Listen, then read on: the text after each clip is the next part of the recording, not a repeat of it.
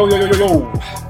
tere tulemast, tere tulemast kuulama ausalt mehed podcasti, mina olen Kris Kala ja, ja, ja, ja mul ning samuti ka tänase saatekülalisel on äärmiselt hea meel, et sa oled taas kord meiega. tere tulemast sulle veel kord. enne kui lähme saate juurde, siis äh, mul on südamel sihuke huvitav asi. Kati, sa oled täna saatekülaline, tšau. aga enne kui sa sõna saad päris oma nii-öelda persooni Katina, siis äh,. saan kellegi teisena sõna või? räägi mulle, kas sa oled näinud, mis Austraalias toimub? jaa, olen.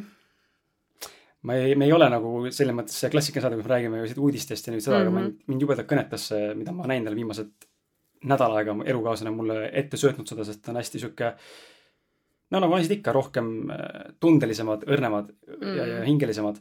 ja näitab mulle neid surnud kängurute ja surnud koalade pilte ja põlenud metsadesse ja kuna ise olen Austraalias käinud, sina ju mm. -hmm. samuti. mina ei ole. ei ole? ma pole jõudnud veel. okei, okei, siis sa veel jõuad mm. -hmm. kui see maha ei põle kõik. aga, aga mina olen käinud seal ja mul on see hästi südamelähedane teema kuidagi ja, ja see elu ja see loodus ja üldse loodusega elamine ja, ja, ja jube kurb on näha. ja, ja miks ma seda mainin praegu, siin see, et äh, mul tekkis sihuke mõte, et nüüd sina, armas kuulaja äh,, tänases, täna on reede meil äh,, kümnes jaanuar, kui see saade välja tuleb ja seda kuulad äh,, siis võib-olla ma pole jõudnud veel teha seda, aga, aga võib-olla olen. see nüüd sõltub, kuidas mul siin nädala jooksul läheb, aga kui veel ei ole, siis jälgi hoia silma peal ausad mehed lehel eh, või siis minu enda Kris Kala leheküljel, et järgmise nädala jooksul ma siis hiljemalt kindlasti midagi teen. mul tekkis mõte, teeks siukse fundraising'u. tahaks raha anda sinna. kuule, kasvõi kümme eurot mm -hmm.. noh, ma ei ole ka miljonär, eks ole, aga, aga mind pani mõtlema see asi, et täna on meil maailmas nii palju edukaid inimesi, kes on rikkad, edukad miljonärid ja, ja miks nad ei võiks, muidugi ma ei tea, kas nad ei toeta, aga miks ei võiks inimesed toetada miks me peame istuma praegu enda... korjatakse ka päris, päris kenasti tuleb tegelikult. jah, väga korjatakse, aga ma kujutan ette, et tegelikult saaks seda mahtu kõvasti suurendada. ja, ja ma nüüd ei ütle, mina seda teen siin täna saatega, kindlasti mm mitte, aga, aga sulle ka armas kuulaja, kui sul on vähegi tahtsin öelda vähegi südant, et see on vale öelda sulle, et su südant ei ole, kui sa ei anneta, et aga kui sul on vähegi soovi toetada seda, mis toimub Austraalias ja, ja aidata mm,, ütleme siis äh, oma panus anda sellesse, et see ei läheks hullemaks ja, ja et võib-olla mõnigi, nii mõnigi loom võib-olla siis sinu arvelt ellu jääks, siis äh, ausad mehed lehele tekib äh, mingil viisil äh, fundraiser, kuhu saab siis raha anda ja see raha läheb kõik siis äh, mõnda organisatsiooni, kus siis seda vaja on Austraalias, et mul on mõned kuus-seitse erinevat välja valitud, nende seast ma teen valiku, et elukaaslane teeb enda, enda villabrändiga sellise väikse fundraiseri ja ja, ja sihuke mõte, et kui sind kõnetab, siis vaata järgi ja, ja kui ei kõneta, siis ega ma pahaks ei pane, saate võite ikka kuulama tulla. aga sihuke mõte seda oli, kuidagi, kuidagi nagu haiget teeb veits, mis ma netis näen, et nagu jube kurb on lihtsalt vaatepilt just see lause käis läbi, et mitmed liigid ongi välja suremas mm -hmm.. noh, ja siis, kui ma täna lugesin seda lauset just, et jälgid neid uudiseid ja, ja see kuidagi nagu hittis, et vau, et kui mastaapne see on, kui suur see on. üks Iirimaa suurune mm, on -hmm. et, et päris crazy on see. see on kolossaalne, mis toimub. see teeb nagu nii pisikeseks mõnes mõttes iseennast, siukseks tähtsusetuseks mm -hmm. natukene. et tuli, tuleb ja võtab tegelikult mm -hmm. ja suretabki välja et kuidagi alandlikuks teeb ja hea üleskutse. vaatame, kas Kati kiidab mm. heaks, nii et siis vaatame, kas mm. läheb, läheb läbi. aga tulles nüüd eemale sellest äh, ne, mitte negatiivsest, aga siuksest kurvast, kurvast saate algusest, siis lähme nüüd saate juurde, et täna on mul külas äh, Kati Suun. Äh, tšau, Kati. sind on tore näha reaalses elus ka nüüd lõpuks. põgusalt oleme vestelnud Messengeris ja Facebookis ja, ja telefonis, aga tore on näha alati äh, näost näkku, panna pilt kokku. ja just, kes kellega on ja ma pean ütlema, sulle on mõnus sina vaadata. oh, aitäh. nagu päriselt. vaata mõne inimesega on, äh, mõne inimesega on, saad kokku esimest korda yeah.. ma muidugi ei tea, mis sina praegu mõtled. aga, aga, aga, aga, et on sihuke vast-, mitte vastik, aga väike tension on üleval, sa tunned yeah. kohe, et ebamugav on mingis aspektis, kuidagi on ebameeldiv, midagi nagu tekitab sihukest, et tahaks nagu nihedada ja ära minna isegi mm. -hmm. sinuga ei ole seda Need on need erinevate vibratsioonidega inimesed, vaata, siis kui nad kokku saavad, siis tekibki see sihuke kihelus. Tekib, siis kui on sama vibra, siis on sihuke chill. täitsa võimalik jah, et ei oska, vaata ongi, kui eri, inimesed erinevad, siis sa tajud seda ära, aga ei oska võib-olla kohe suhestuda see teise inimese mm -hmm. nagu olemusega, mida talle saab öelda, kuidas saab öelda, kuigi tegelikult ju peaks täitsa pohhu olema, mismoodi me käitume, mina ise, aga ikkagi me nagu võtame mingi sellise nagu hoiaku, et ei taha ära rikkuda. Mm, -hmm. ei taha ära rikkuda seda, mis siin sünnib võib-olla, et ja. aga noh tore, tore, et sa sama tunned yeah.. mul ei ole sinu kohta sissejuhatust kahjuks, sellepärast et ma lihtsalt ei suutnud mitte midagi kokku panna, midagi sellist, mis, millega oleks rahul olnud. me just enne siin saateväliselt rääkisime ka sinuga sellest, et kirjutamisest, et, et väga tihti on niimoodi, ma kirjutan raamatut või mingit blogipostitust, siis ma kirjutan, kirjutan, kirjutan ja, ja see läheb kõik prügikasti ja ma hakkan uuesti. ehk siis ma ei ole rahul sellega, mis valmis tuli. Ja nii siis seetõttu seda ei olegi siin. siis mul ei olegi sissejuhatust. sul ei ole sissejuhatust ja sul jääb see au tänase saatega ise tegelikult see sissejuhatus luua, mida ma saan tegelikult pärast siis äh, kirjeldusena välja tuua mm. -hmm. sinu teksti nii-öelda tsitaatide või quote'ide või mõtete põhjal. et sealt ikka see kokku panna, lihtsalt ma ei, ei suutnud sind ennast täna siis nii-öelda tutvustada või, või kuidagi tiitlitega ümber üle valada. Nii et, äh, aga me räägime täna huvitavatel teemadel, et ma siin olen teemad alles jätnud, millest me räägime, et äh, meil on see, et me ei pea olema täiuslikud, õnne ei pea ootama, iseendaga tuleb rahu teha, alaväärsuskompleksidest ja nende tekkimistest, edust loobumisest. Äh, samuti räägime depressioonist, õnnest, inimese X-faktorist, see on väga huvitav nimetus. Mm.. võib-olla ma saan aru, ma isegi vist mõistan, mis sa tegelikult mõtled selle all, aga sul on väga huvitav termin sellele antud. ja, ja samuti räägime ka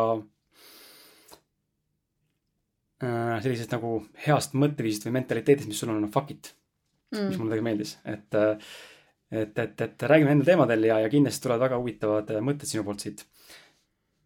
ma alustaks võib-olla sellest, et äh,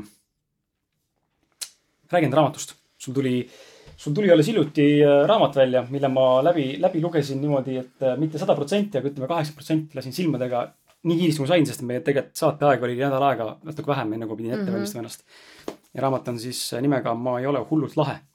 märkmed minu sahtlist, esimene osa. siin on kaks asja, küsimus. mida tähendab Ma ei ole hullult lahe ja miks sa ei ole hullult lahe Ähm, see on hästi-hästi, jaa, tuli küll raamat välja äh, nüüd alles detsembris ja, ja see pealkiri oli, alguses ta oli Sa ei ole hullult lahe mm. -hmm. sest äh, nagu ma sulle ütlesin ka, et ma kirjutasin seda raamatut äh, kaks korda. Et ühe korra kirjutasin ta valmis ja pealkirjaga Sa ei ole hullult lahe ja ta oli selline Äh, minu, minu lugu ja õpetlik ja õpetussõnad ja siuksed inspireeriv ja motiveeriv ja selline lugusid täis, äh, upliftiv, äh, naeratavat depressiooni oli hästi palju siukest nagu oma valu üle nalja tegemist mm. -hmm. ja, ja samas oli ka seda manitsust, et, et miks selle pealkiri oli Sa ei ole hullult lahe, oli siis see point, et, ähm, et noh, et, et hästi palju ma puutun inimestega kokku, kes äh, kõik räägivad mulle oma ärevushäiretest, depressioonist äh,, psüühikahäiretest, kurbusest, tühjusest äh, ja nad ei ole tühjad seda mm -hmm. tehes, nad on ise jumala õnnes kuidagi. mul on mingi see diagnoos mm -hmm. ja mul on see ja mul on see ja mingi oh my god, jumala äge, mulle öeldi ka, et ma olen bipolaarne, siis sa vaatad talle otsa ja sa mõtled, et nagu miks sa romantiseerid sihukest asja, mis sul viga on kas sa oled rumal või? et, et tulevad noh, kuna ma teen seda kogemusnõustaja tööd on ju, siis mm, -hmm. aga kuna mul ei ole sellist äh, ma olen natukene sihuke doktor House'ilik kogemusnõustaja, mul ei ole seda filtrit, siis ma ükskord küsisin ühe naisterahva käest, kes äh, jõudis minu juurde soovituste kaudu, kes oligi siis jumala õnnelik, no et aa, mul on ka see haigus, et ma olen ka bipolaarne, ma olen ka geenius, siis mul ja siis ma küsisin ta käest, et, et issand jumal, et sa oled loll peast või, et kas sa tead, mis see tegelikult tähendab? kas sa tegelikult tead, mis tähendab psüühikahäire või nagu vaimne mm -hmm. häire, et, et sa ei saa magada, süüa, mõelda, su pea läheb mõtetest lõhki, su pered, pered lähevad laiali, et noh, et, et, et ähm, sa ei tea, kas haigus mõtleb või sina mõtled, on ju, et noh, see on nagu nii fucked up maailm tegelikult. et aga inimesed kleebivad endale siis neid äh, nagu eriliseks tegevaid silte mm. -hmm. Et millegipärast nagu vaimuhaigused teevad meid eriliseks, ehk siis nad julgevad olla nemad ise, sest nad ei julge tervena olla mm. -hmm. ehk siis see ongi see raamatu point, et, et ma olen nagu selles mõttes, ma olen hullult lahe, aga ma ei pea hull olema selleks mm. -hmm et ma võin täiesti süüa tervislikku toitu, teha trenni, magada korralikult äh, ma ei pea ööd-päevad üleval olema ja ennast kuskil baaris täis jooma ja võõrastega rääkima, kui fucked up elu on, on ju, et oo oh,, ma olen geenius või midagi. Et, et ei pea, ma võin olla täiesti normaalne, rahulik, kaheksa tundi magav pereema ja teha geniaalseid asju, on ju. Mhm. et äh, ja sellest see nimi ka, on ju, et alguses oligi sihuke manitsev äh,, ühiskonnakriitiline äkki mm -hmm. natukene, liiga palju in your face võib-olla mis pole nagu tegelikult minu koht öelda. ja siis ma tabasin ise nagu ära selle septembris ja siis ma kustutasin ära selle asja ja siis ma kirjutasin nagu päris asja valmis ja ma panin siis pealkirjaks Ma ei ole hullult lahe ehk siis, aga ma sain selle kõik endast välja kirjutada mm. -hmm. ma sain selle nagu äh,, mul tekkiski nagu mingisugune, mida tervemaks mina sain sellel teekonnal, millest see raamat räägib, seda, seda rohkem mind ajas närvi selline pealiskaudne haigus mm, -hmm. mis levib maailmas. ma ei tea, kas sa saad aru, mis ma mõtlen? mõistan mm. -hmm huvitav on see, et äh, kas me võime siin sinuga koos kokku leppida või siis nõustuda sellega, et raamatu kirjutamine on äärmiselt teraapiline protsess. väga. just nimelt see, see, mis sa mainisid, see väljaelamine, et kui mm -hmm. sa ei saa välja elada seda sitta enda sees, mis su mõtetes on või, või mis iganes, mis iganes tasandil su sees on, siis paratamatult see varem läheb lihtsalt põlema. aga raamat annab selle võimaluse. hakkad teda nagu noh, mina kirjutasin ta ju niimoodi, et ma ütlesin aprillis, et ma kirjutan üldse Instagramis tegin avalduse, et ma hakkan kirjutama, ma olin just tegelikult Äripäevas tööl veel, tegin programme. ja noh, see on üldse pikem lugu, miks ma seda hakkasin kokku panema, aga Instas hõikasin välja ja ma tegelikult andsin ennast nagu teadlikult selle vooluga kaasa neljaks kuuks. et okei okay,, et ma tulen siis kapist välja, ma räägin oma loo ära mm, -hmm. kõik räägivad kogu aeg, et rääkige oma lugusid, jagage oma lugusid, rääkige ära, mis teil viga on, noh fuck it, kui sa päriselt need asjad ära räägid, siis sa näed, kes su kõrvale jääb ja kes mm -hmm. läheb, onju. ma arvan et, et kuuskümmend protsenti mu nii-öelda sõpradest kadus, kadus, noh, mitte kadunud, aga kõik jäid vait, mhm. onju, kõigil hakkas piinlik korraga nagu kole, kole piinlik, nagu mis sa teed, Kati, miks sa räägid siukseid asju, nalja teed või? Bipolaarne käitumishäire, who are you, wow mm. -hmm. et, äh, et nagu nõutakse, et, et kõik siuksed nagu riiklikud kampaaniad, mida rahastatakse, öeldakse küll, et noh, depressioon pole häbiasi, on ju, et räägime, räägime, räägime, on ju, aga, aga et kus, et kes tegelikult tahab teada ja kas üldse tahab teada. kui tegelikult rääkima hakkad, siis on nagu ero. jah mm -hmm., et see ongi nagu minu küsimus, on ju, ja, ja tegelikult need äh, lugejad või need kirjad, ma sain tohutult kirju tegelikult hästi paljude jumala ägedate avaliku elu tegelaste käest, on ju, nagu pooltuttavate käest, kes kirjutavad sulle, et kas ma saan sind usaldada, on ju, saadavad sulle siukseid kirju, sa mõtled, et holy hell, et kas ma peaks ta juurde minema ja midagi tegema. et nagu, kui katki saab üks inimene olla mm. -hmm. ja, ja mõnes mõttes ma siis valasin kõik need kirjad ka sinna esimesse poolde raamatusse ja, ja kuidagi hästi äge teekond oli see. ja, ja noh, selles mõttes, et need teemad said vastuse teises raamatus ikkagi on ju, põhilised asjad on armastus, alaväärsus, mingi edumehhanismid, et kuidas, ma ei saa edukaks mm -hmm. ja nii mhm. edasi, on ju. kuidas olla mina ise või kes ma olen, põhiküsimus oli, kes ma olen ja tühjus hinges, on ju mm. -hmm et, et kuidas aru saada, kes ma olen, kuidas, kuidas nagu tunda rõõmu väikestest asjadest, on ju. ja kuidas julgeda, nagu sellised asjad tulid välja, on ju. Mhm. aga ma kuidagi liiga palju esimeses äh, tekstis kirjutasin äh, nagu sellist emotsionaalset teksti mm. -hmm.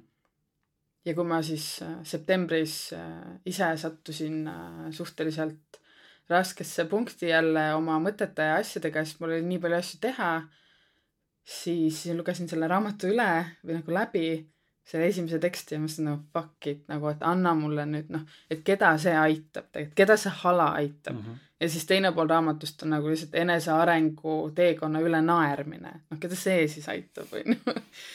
et ähm, ja siis, ja siis tegelikult tuli nagu meelde Äh, kunagi ütles Mikk Sarv mulle šamaani rännakutel, ütles, et ma olen hästi palju siis seda enesearengut teinud, ütles, et süga-, ma mäletan seda, et magad nagu trumm käib nagu sügavamale. noh, käib, käib, käib, on ju, veel, veel, nagu minge veel, mõtetes veel sügavamale, minge veel. ja siis vahepeal oli küll endal nagu lõpeta ära nagu, et kui sügavamale ma mõtetest pean minema nagu, et nagu tegelikult ka. ja, ja siis mulle jõudis kuidagi sihuke mingi, aa kurat, et äkki peaks Miku soovitust kuulda võtma ja nagu panemagi kirja need asjad, mis mul päriselt sahtlis on. Mm -hmm..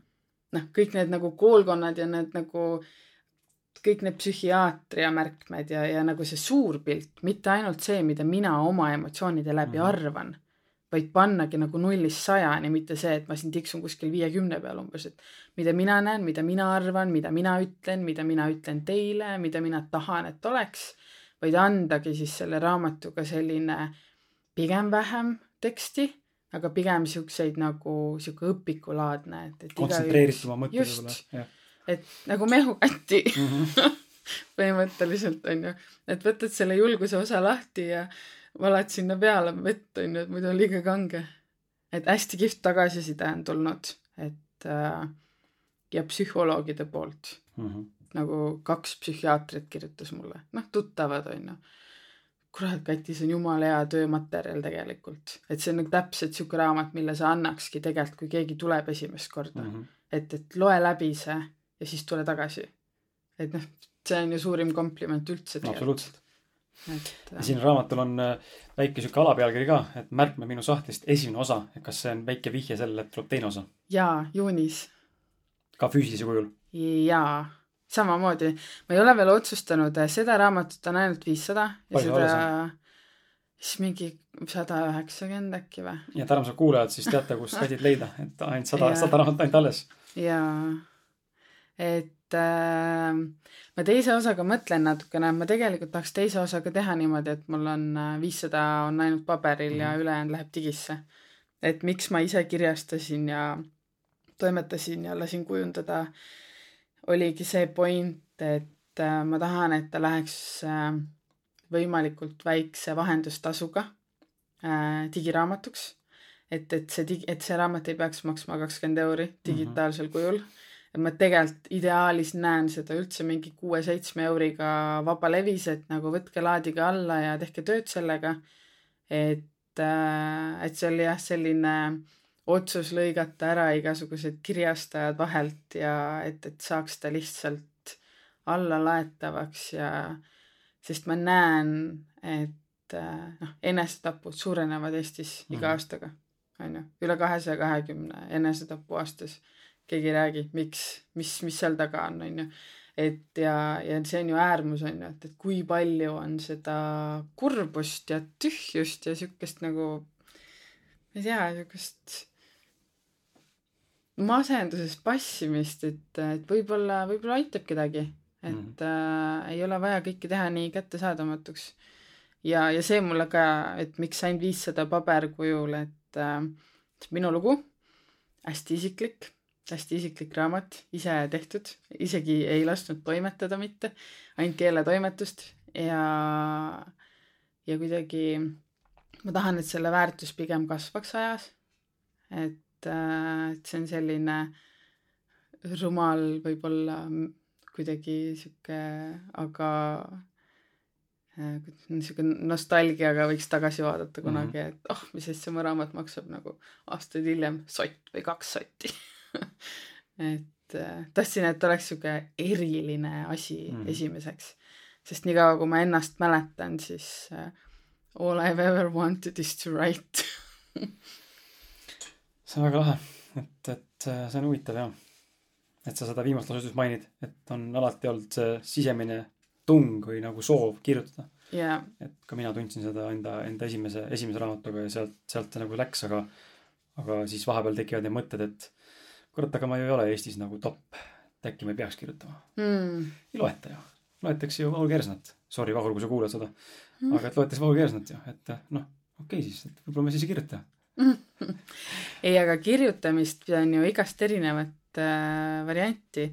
kirjutamine on ju samamoodi, et äh, mina olen ka, ma, ma olen kogu aeg kirjutanud, aga vahepeal ma olen reklaame kirjutanud, siis ma olen turunduskontseptsioone kirjutanud, siis ma olen turundusreklaame kirjutanud, siis ma olen blogi kirjutanud, siis ma olen artikleid kirjutanud, on ju, noh, samamoodi, et Äripäevale, kaubandusele, et, et, äh, kirjutamine, kirjutamine Mi, minule meeldib lihtsalt see, mis kirjutamine minuga teeb. et see tunne on nii haruldane, et sa hommikul väga-väga-väga tahad üles tõusta. see sihuke mingi, jep, I m ready, nagu täiega tahan, panen riidesse, saadan lapsed kooli ja siis on mingi hm, nii, nüüd. ja see sõnade sättimine ja, ja see aja seisma panemine ehk mm siis, et et, et kui ma kirjutan näiteks ka mingisugust artiklit pikemalt, siis mulle nii meeldib see, et ma vaatan kella kell üheksa ja siis ma vaatan kella kell kolm või neli, sest mida iganes muud ma teen, ka koolitajana ma olen tegelikult ju, põhileib tuleb mul ju koolitajana mm -hmm. igapäevaselt, on ju. küll ka siis äh, turunduskonsultant ja siis koolitaja, meeskondade koolitaja, hospitality, on ju, aga see ei pane mul aega seisma. inimesed ei pane, aga kirjutamine paneb mm. -hmm. ja see on minu meelest ongi nagu elu või nagu töö põhieesmärk ongi see, et sa ei tunneks vajadust vahepeal midagi muud vaadata et ja, ja ma tahangi sellise nagu tööõndsuseni jõuda äkki. tekiks sihuke nagu in the zone, pidev sihuke olek. sest see raamatu kirjutamine ka, et kui ma tegelikult kirjutasin ju siis nagu ma ennem sulle enne saate algust mainisin, et kaheteist päevaga on ju selle mm -hmm. materjali kokku. Läksin siis sinna cabin'isse on ju oma ema-isa juurde. Mul on seal üks siukene pisikene äh, suvilake ja, ja ma kirjutasin nagu kõik välja seinte peale, kolmsada kuuskümmend kraadi, põhimõtteliselt kõik asjad, mis ma tahan öelda selle raamatuga.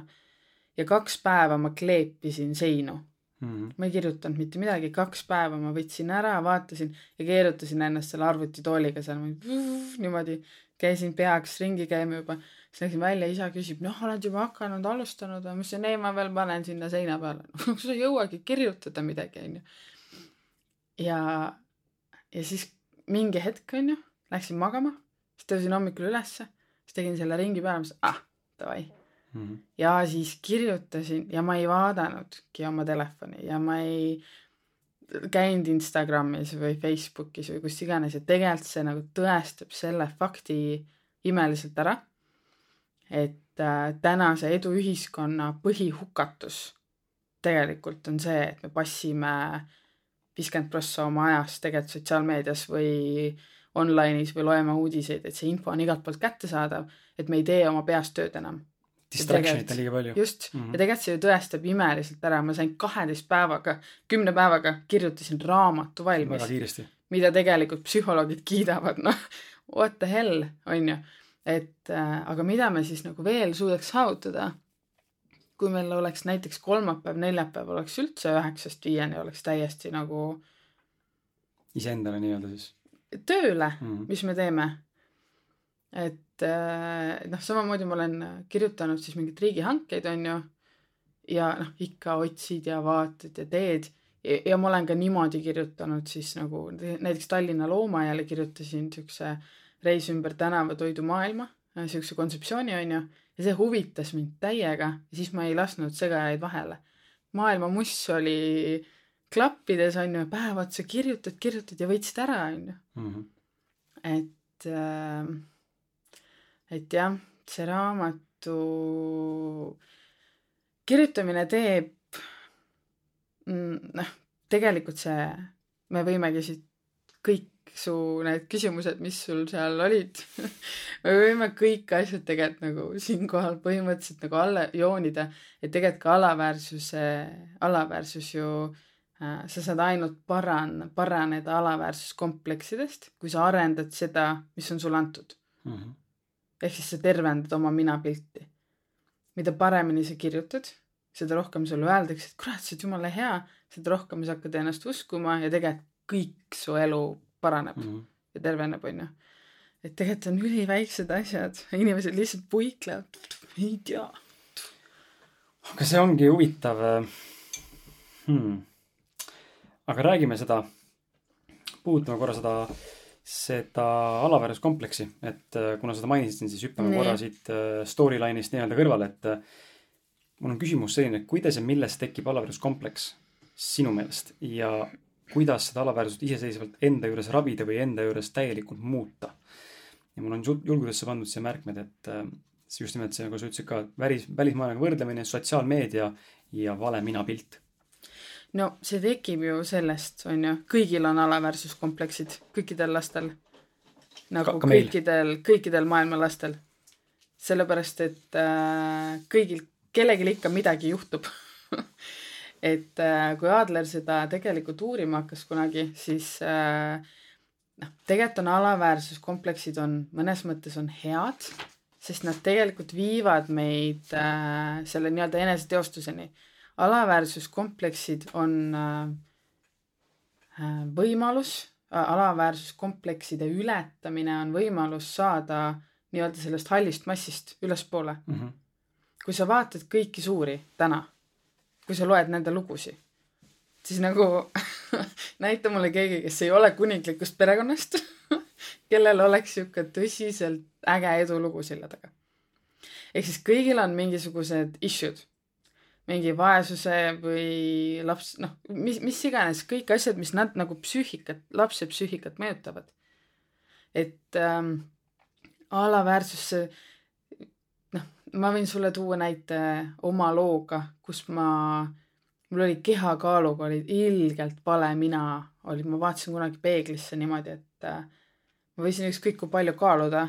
Ja ma nägin ikka, et ma olen paks ja kole ja rõve ja siis mingi issand jumal, ma ei läinud välja vahepeal isegi teistega, ma ei läinud isegi lõkke äärde nagu mingi maakohas. sellepärast, et ma ei suutnud leida nii suurt jopet, mis mind ära kataks, ma kaalusin kuuskümmend kilo.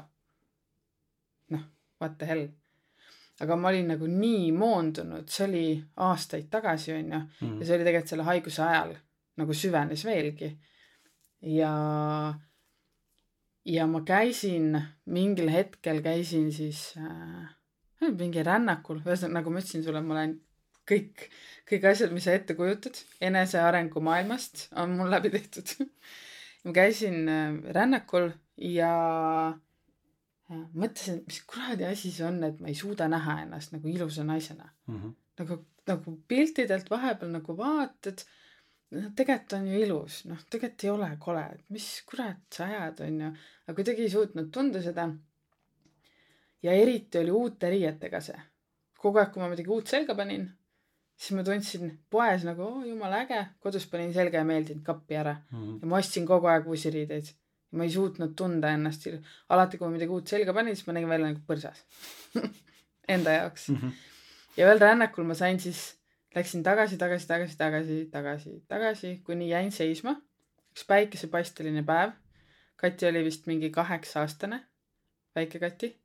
ja mul oli, äh, ma olen sellisest äh, tänaseks üliäge tugev pere on meil, sihuke hundikari on meil, sihuke noh, kõik võitlevad kõigi eest ja me oleme sihuke tohutult kokkuhoidev ja täiesti tervenenud perekond, aga meil ei ole see kogu aeg nii olnud.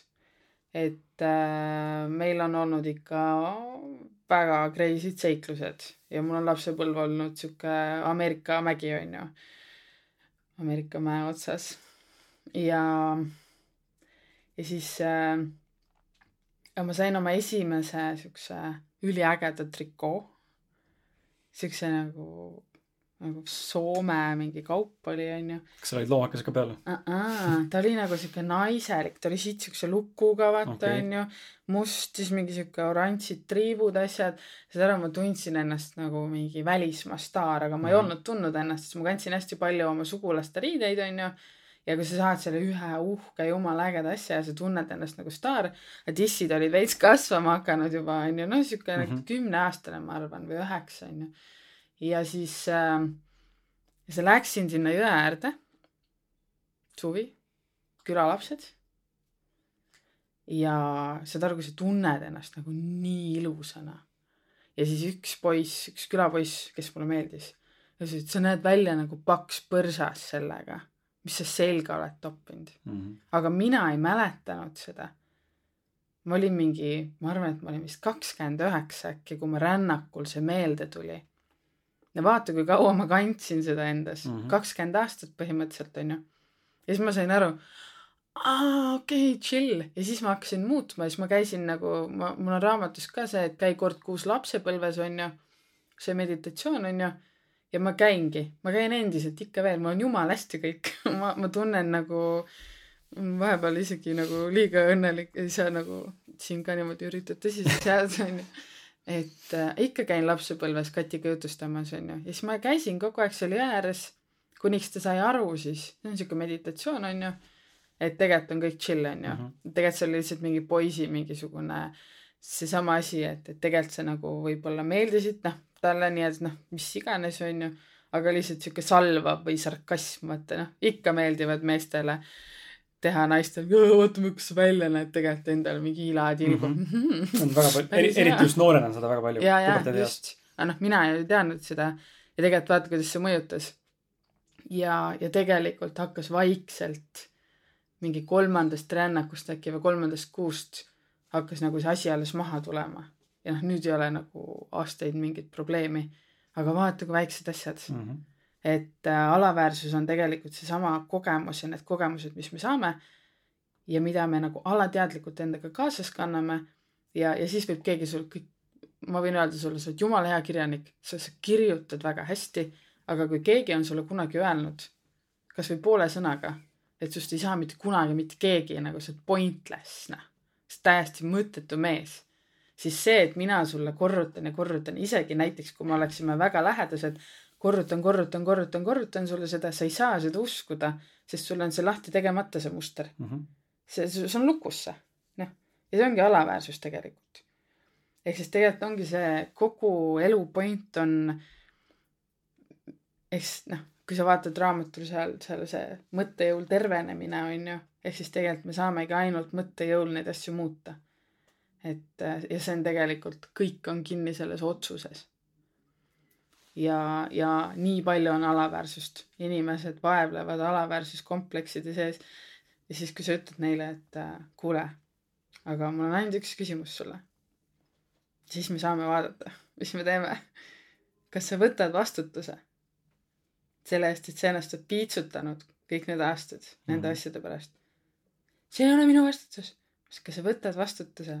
Aga see ei ole, mina ei ole mitte midagi teinud, mina ei ole mm -hmm. ju mitte midagi teinud ja siis ongi see, et ah, ma saan aru, aga sa pead nagu aru saama, et sina oled tegelikult kõik selle endale teinud. see asi, et see poiss mulle kunagi kaheksa või üheksa või kümneaastaselt ütles, et ma näen välja nagu paks põrsas oma uues trikoos, onju. tema ju ei tea sellest mitte midagi, mina mm. olen ennast kakskümmend aastat piitsutanud ja mina võtan vastutuse selle eest, okei okay,, fine, Kati, oled olnud rumal, lähme edasi, hakkame tervenema.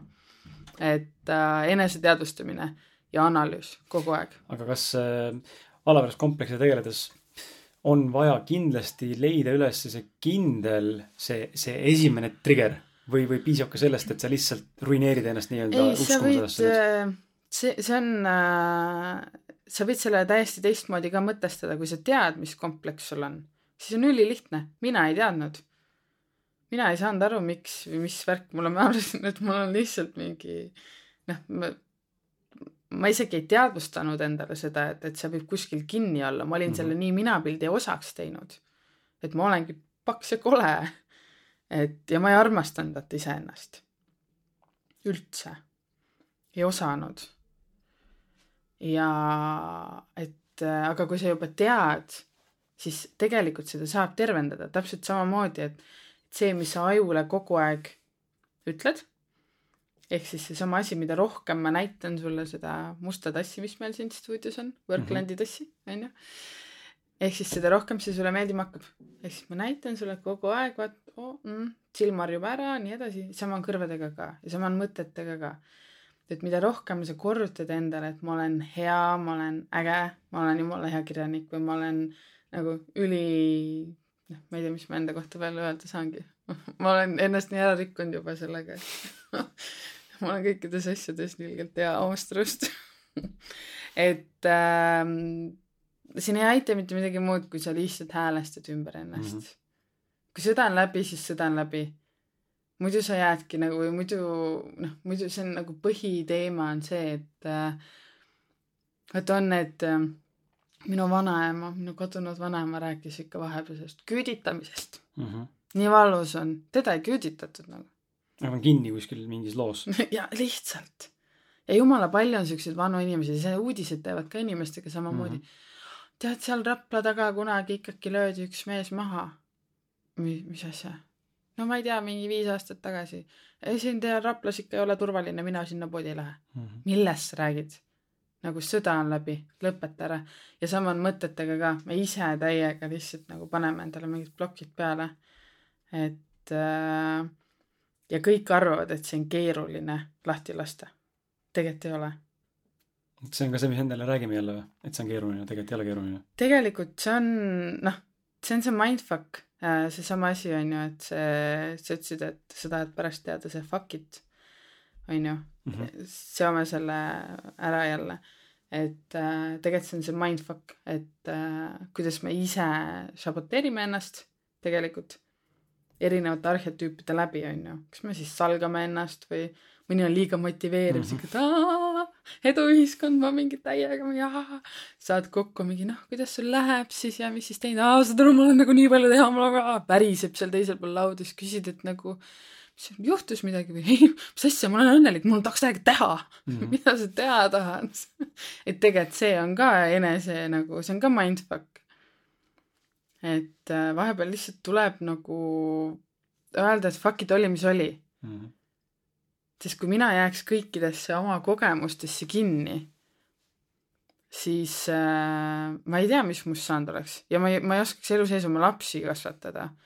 Ma ei oskaks olla tänases suhtes, ma ei, ma ei oskaks mitte midagi teha. ma ei oskaks oma ema-isaga kamina ääres istuda ja kallistada ja jutustada, kui ma oleks lapsepõlve kinni jäänud mm. -hmm et äh, või kui ma oleks neiupõlve kogemustesse kinni jäänud, ma ei, ma ei laseks mitte kedagi ligigi endale kunagi, on ju, et noh, et äh, need taastumine peab olema võimalik, sest muidu sa lõpetad oma elu ise nagu selles mõttes elamise ära ja sa lihtsalt vegeteerid, kuniks sa sured. ja see on nagu waste. see on aga eriti kurb. jah, see on lamp see on muidugi valik, aga see on lihtsalt nii kurb, kui sa vaatad ja. seda, mis on tegelikult inimese potentsiaal võiks olla jah, ja samas ongi, ja siis mõned nagu äh, otsivad ennast, on ju, siis nad jäävadki otsima. mingi kahekümne viieselt saad kokku, otsib. saad mingi kolm aastat hiljem kokku, otsib. Neli aastat, otsib. mina ka otsin, aga mina otsin automaatselt. ma, ma, ma kasutan seda tahvlimeetodit, on ju, et mul on äh, omad küsimused ees kogu aeg, mul on oma eesmärgid ees, mul ongi kodus oma tahvel põhimõtteliselt kogu aeg ja, ja kui ma kadunud olen, siis ma vaatan seda tahvlit, mingi aa okei okay,, chill, siis ma teen tööd edasi mm -hmm. või siis ma lihtsalt vaatan telekat edasi lastega. Ma kindlasti ei ole see, et mingi mul on kodus ainult raamaturiiulid ja joogamatid, noh. Ei ole. et äh, jah, ehk siis alaväärsus kokkuvõttes ongi see, et, et äh, siin ei olegi lihtsamaid vastuseid kui see, et me peame lihtsalt lahti laskma teatud asjadest. Mulle nii meeldib see mõte, et äh, kui sa nagu magama lähed, siis tegelikult sa võid lõpetada oma kogu senise eksistentsi mm -hmm. ära. see kõlab nii morbiidselt. ja siis hommikul tõused ülesse ja siis see on nagu taassünd mõnes mõttes. ja tegelikult see ongi mm. -hmm. ehk siis tegelikult kõik need asjad, mis ma, kõik need otsused, mis ma täna vastu võtan, tegelikult ongi see, need kõik need asjad, mis ma tahan saada et äh, kinni ollakse mingisuguses ootuses, et asjad lähevad paremaks, ei lähe. ise tuleb teha. Ja alaväärsuskompleksid ei kao ära ise. et äh, sest ükskõik, kui paljud inimesed meile ütlevad, kui ägedad me oleme, lõpuks nad lähevad ära mm. -hmm. keegi ei viitsi sulle lõpmatuseni öelda, et sa oled nii äge ja siis jah, mis asja, ma ei ole mingi ise oled või ütle sulle järgmine kord ju enam siis peadki nagu vastu rinde taguma ja ütlema, täiega olen. et äh, see on, see on inimeste jaoks raske, ma arvan, ma arvan, et äh, üks põhjus on kindlasti see, et see iseendale rinde tagumine justkui nagu upitab seda egokultust mingil määral, vot see on hästi õhk, ma saan aru, millest sa räägid ja ma mm. mõistan, ma ise olen ka selline inimene äh,. aga seal on, seal on nagu õhk-õrn piir, mulle tundub selle vahel mm.. et kus ma olen nagu eneseteadlik ja oskan ennast väärtustada ja saan aru tegelikult, et ma olengi tegelikult andekas selles valdkonnas mm. -hmm. ehk siis näha ja analüüsida ennast kõrvalt, aga teisalt on see, kus ma olen siis see pime, pime ja nii-öelda naiivne ja sinisilmne debiilik, kes siis arvab, et ma olen kõva vend, tegelikult ma ei ole mitte keegi. ja aga vaata, siin ongi see, et kui sa oled hästi teinud ja keegi ütleb sulle, et sa oled ülihästi teinud, siis tao vastu rinda mm. -hmm. mitte nii, et kui sa teed midagi ja siis muudkui ise taod vastu rinda, siin ongi see vahe mm. -hmm ehk siis seesama asi, kui keegi on sind juba tunnustanud ja märganud, siis võta see nagu auga vastu ja nagu toida ennast ja teda, et ära pane teda nagu piinlikku olukorda ka, onju. Vaid taodki vastu rinda, ütled issand kui äge, thanks täiega, et sa annad talle ka seda dopamiini vastu, onju, tekib siuke mõnus peegeldus. tema sai hästi öelda, sina said head tunnustust. et, et siin ongi see vahe, need egomaniakid, kes tegelikult ei teegi mitte midagi hästi, ongi need, kes ise käivad ja taovad, onju. ja aga, aga reeglina need, kes ise käivad ja taovad, nemad nagu äh, varjutavad ära need, kes tegelikult hästi teevad mm -hmm..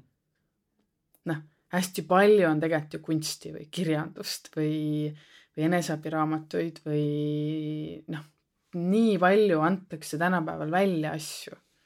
ja kes kõvemini turunduses karjub tegelikult, see võidab, onju. ja siis kõik need, kes abi tahavad, loevad seda, kes võidab. ja siis nad jäävadki otsima ennast võib-olla mm. seda, sellega ma olen nõus, ma olen seda märganud ka, et jube raske on mitte ainult enda seisukohast, enda kogemust, aga ongi nagu see info peale tulv või tung on nii suur lihtsalt yeah. et need, kes tegelikult teevad midagi hästi, aga võib-olla pole veel nime või, või pole õigel ajal õiges kohas täna veel nii-öelda ühiskondlikus mõttes, et tegelikult nagu jäävad varju lihtsalt mm. -hmm. Et, seda enam tulebki vaata endale taguda vastu rindu siis, kui keegi hästi ütleb, et, et noh, samamoodi, et eks see ole meie enda viga või nende enda viga, kes jäävad varju. et nagu kurat, tõuse püsti, me olemegi loomariik. tugevamad võidavad selles mm -hmm. mõttes. nõrgad süüakse ära et äh, see ei ole nagu mingi selline asi, mis peaks kuidagi nagu nüüd korda tegema või midagi, vaid ei, need ise, need inimesed ise, kes teevad head asja, peaks nagu tagajalgadele tõusma ja ütlema, et nagu fuck it, ma teen head asja mm. -hmm. et äh, sellest enesekindlusest on puudu. aga lähme sinu loo juurde siis, see on selline tavaliselt meie saate klassikaline esimene küsimus, aga mm.. aga ma tean, seda on nüüd väga raske su kokku võtta, sest et terve raamat räägib sinu lugu, aga, aga põhimõtteliselt äh, millised on olnud sinu sellised suuremad milstone'id, mida sa tahad täna siin mainida või mis tunduvad sulle täna relevantsed siin saates mainimaks, et kuidas sa kokku sidud omavahel. ja, ja sest et sinu raamatut lugedes äh, saab väga ülevaate sellest, kui väga sa oled ennast terve elu tegelikult tampinud ja, ja piitsutanud, et äride ülesehitamised ja ja, ja magamata ööd ja need saavutamised ja need endale seatud eesmärgid ja kõik need äh, ootused ja lootused ja unistused ja, ja, ja kogu see ahnus saavutamise osas, et äh, mm. räägi võib-olla seda, seda poolt, et kuidas sa jõudsid omadega sinna siis sellesse nullpunkti ja sellest bipolaarsusest ja võib-olla ka depressioonist siis um,? mul ei ole olnud kunagi ahnust saavutamise osas. see olengi see äh,, see, see nii-öelda kati lugu on olnud tegelikult äh, nii kaua, kui ma mäletan, ta lihtsalt läks vahepeal lappama mm. -hmm. et äh, ma olen alati, minu lemmikasi maailmas on aeg. ja aeg, mis ma saan maha mollutada, vastupidiselt seda, mida ühiskond arvab või nagu mida inimesed minu ümber arvavad, kõik arvavad, et ma teen üheksast üheksani, üheksast üheksani, kakskümmend neli, seitse tundi tööd kogu aeg ei tee.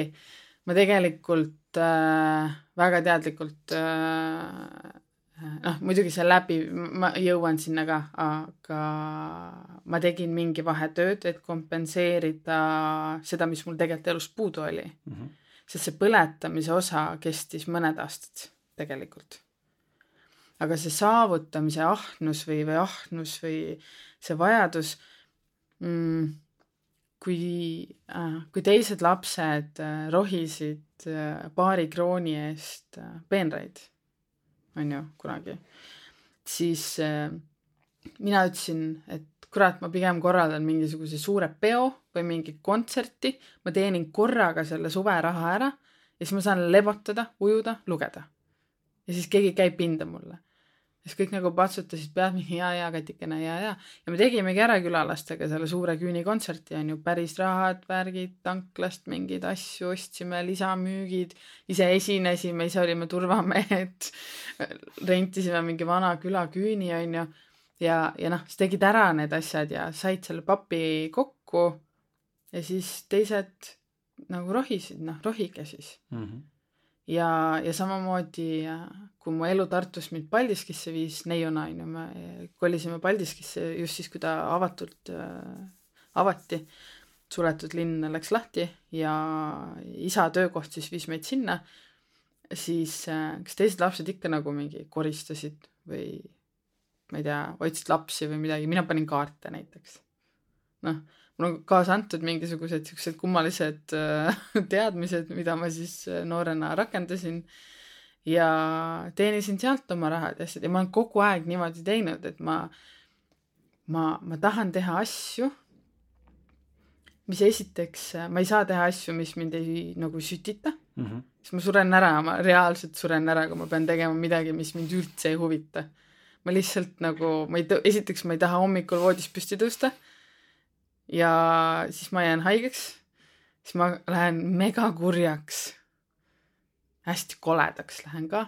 Ja, ja ma ei taha, ma ei taha lihtsalt teha, mulle ei sobi asjad, mis mind ei huvita. Mm. -hmm ja, ja ma olengi teinud niimoodi, proovinud äh, teha neid asju, et äh, mis mind sütitaks ja mis kingiks või mis annaks mulle aega. et äh, jah, on nädal kaks magamata öid, kui ma pean näiteks mingi projekti valmis kirjutama, aga ma saan järgmised kaks nädalat oma aega õppida, lugeda mm. -hmm. sest kui keegi võtaks mult täna ära mu aja, ütleks, et hakka käima tööl tegema midagi, mis sind ennast ei huvita tegelikult, et äh, maksud ära maksta, siis see ei ole minu jaoks valik, aga see on väga paljude inimeste mm -hmm. jaoks valik, sest nemad ei defineeri ennast nii nagu mina.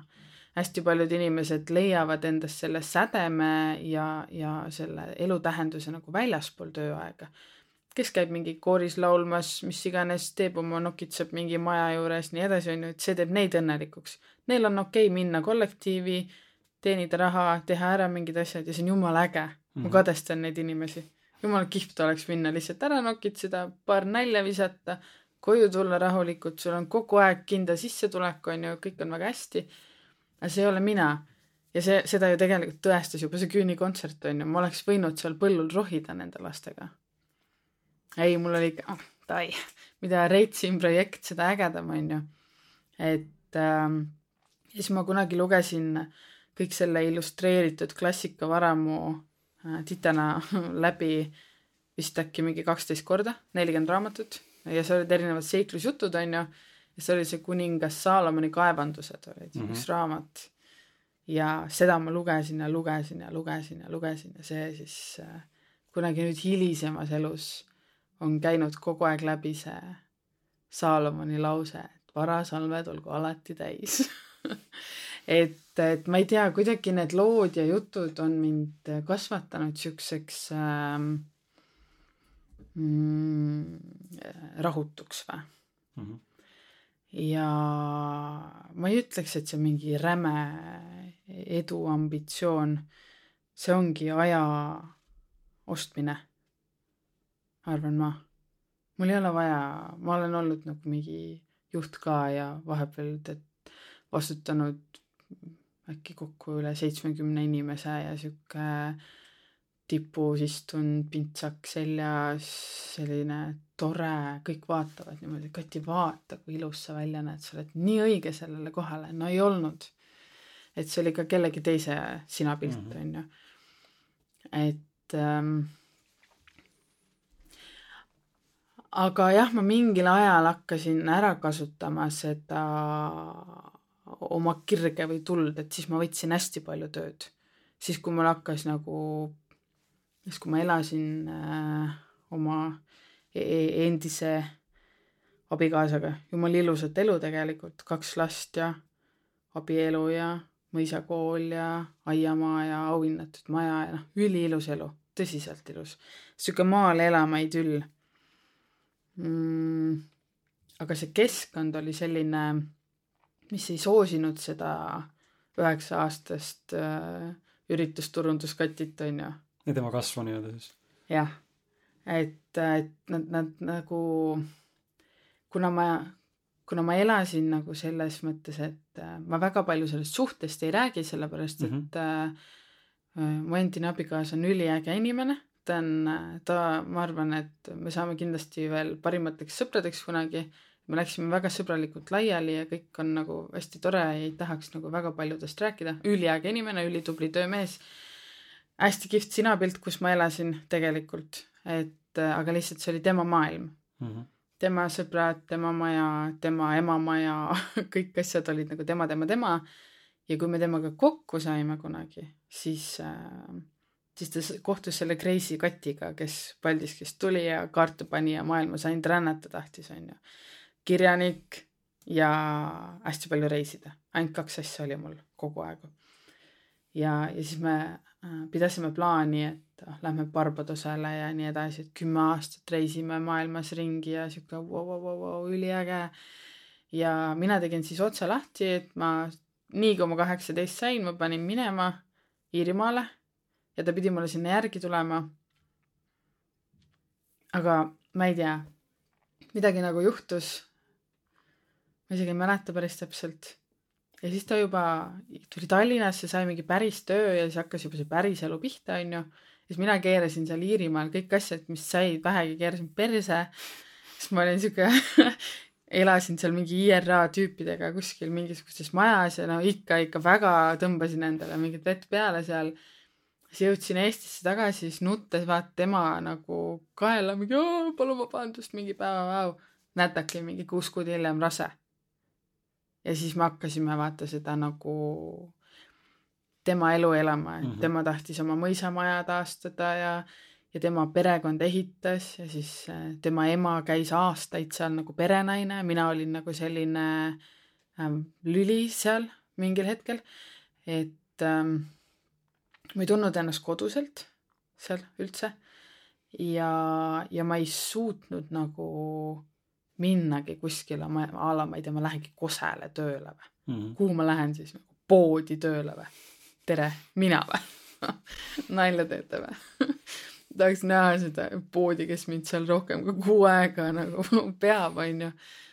ja aga, aga see keskkond nagu soosis, et ma rahuneks maha ja oleks normaalne mm. -hmm. hästi palju kuulsid seda, ole normaalne nüüd, ole normaalne.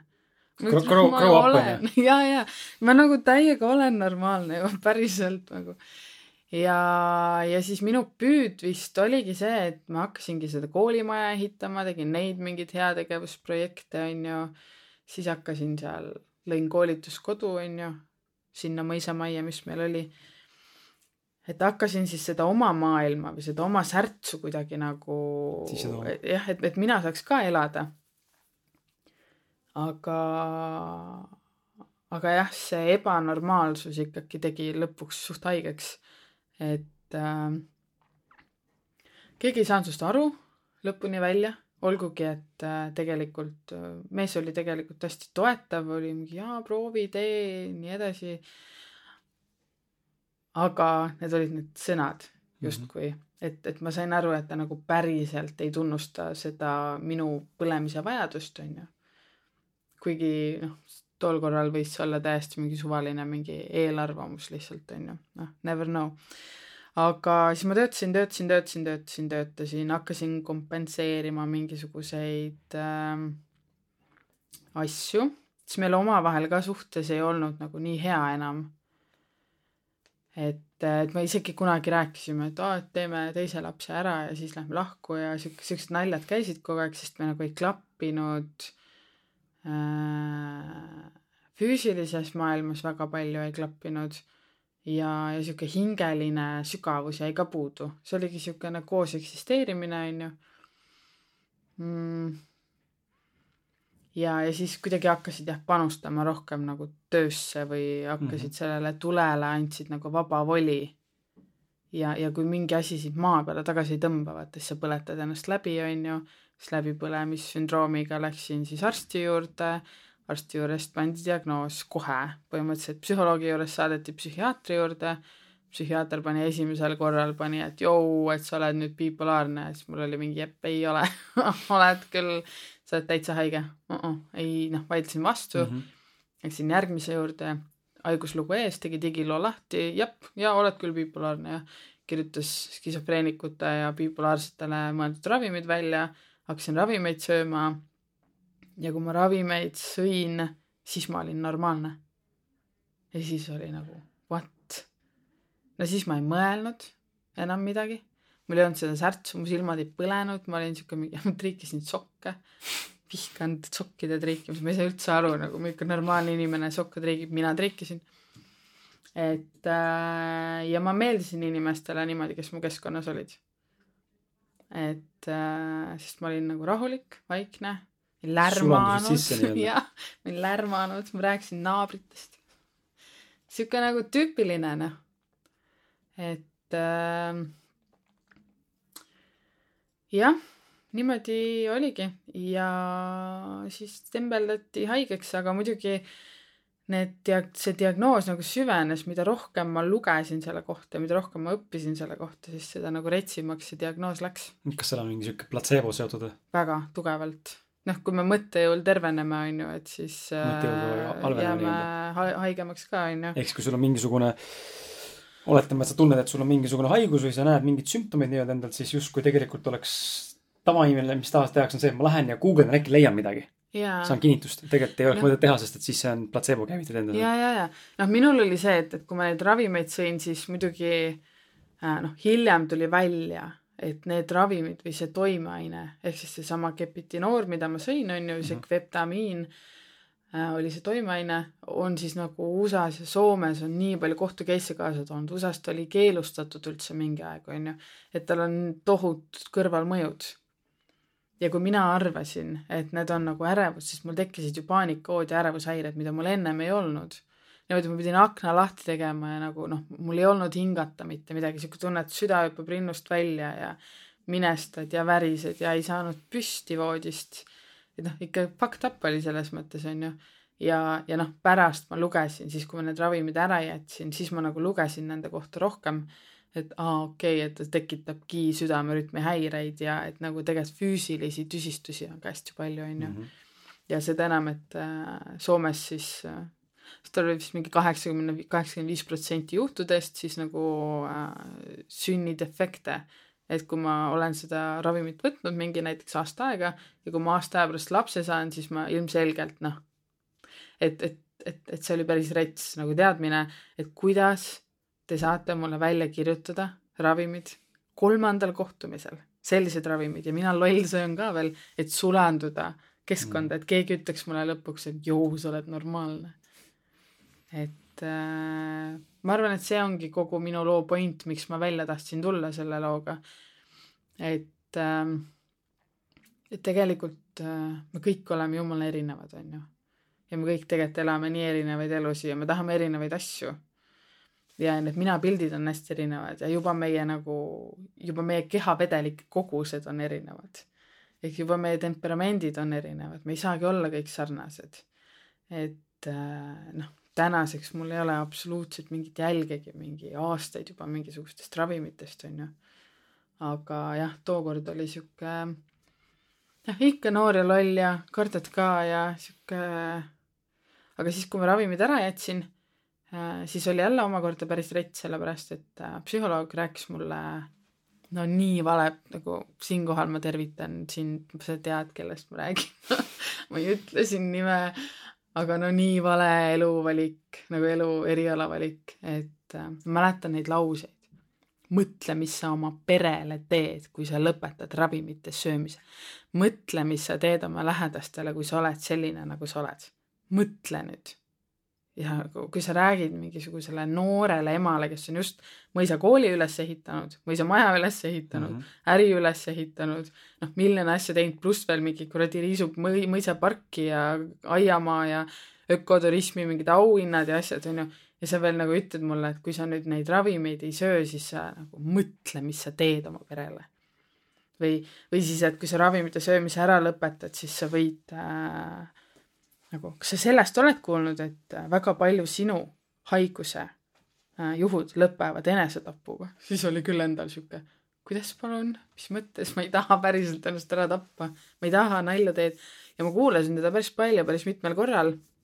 Ja äh, ja need sümptomid muidugi süvenevad, on ju. Mm, -hmm. kui arstid räägivad sulle siukseid asju ja hästi rets oli see, kui äh, psühhiaater ütles mulle, et äh, kui ma ütlesin talle, et ah, et ma siin ehitan mõisakooli, on ju, et tahaks, et kool alles jääks, et võitleme vallaga ja noh, kui ta küsis, vaata, et mis sa teed, on ju, et mul on seal koolituskodu ja et mul käivad seal mingid rahvusvahelised tippjuhid ja ministeeriumid ja asjad, on ju mm. -hmm, ja, ja, ja, ja, ja mm. -hmm. siis mõtled, et oot, mis see tähendab nagu ja, ja mm. -hmm.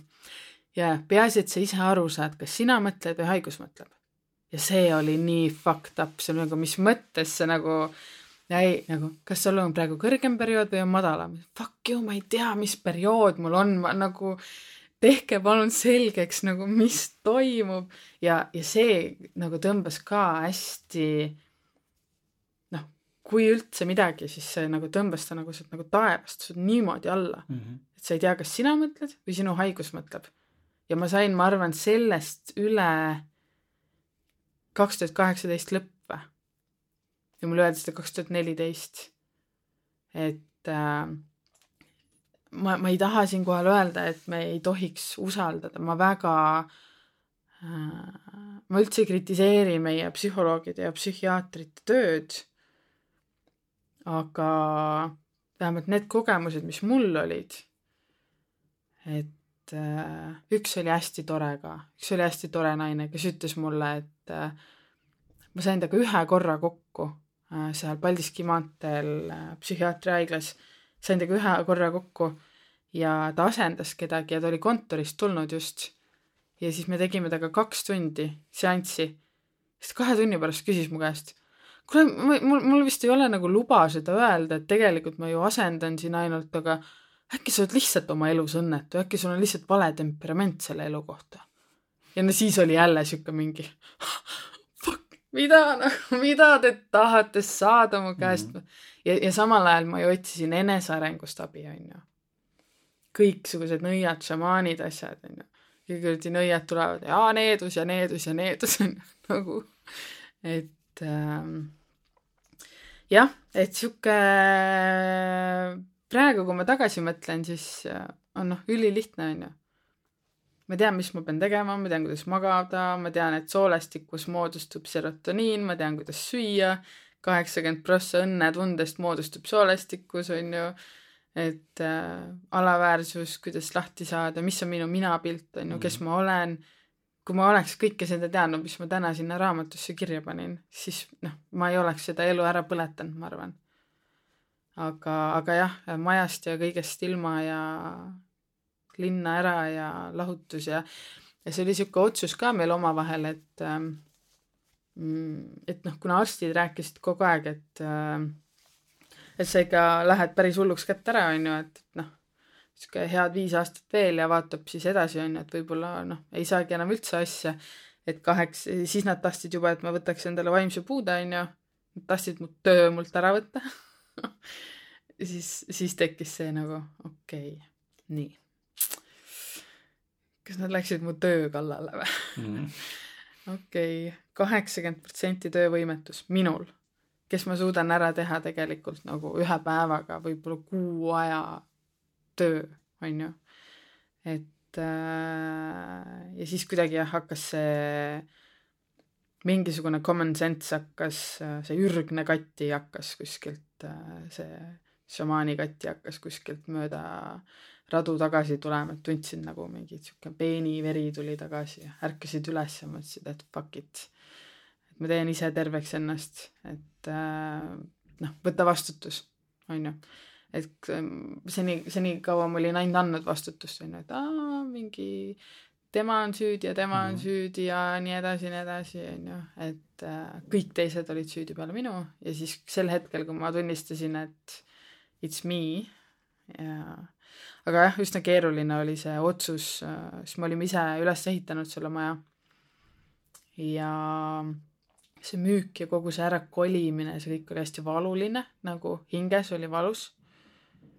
aga samas me elasime juba aastaid äh, eraldi tubades ka ja tegelikult me õpetasime oma lastele kogu aeg sellist noh, mehe-naise suhet ei olnud ka. ja tegelikult me õpetasime oma lastele katkist armastust juba.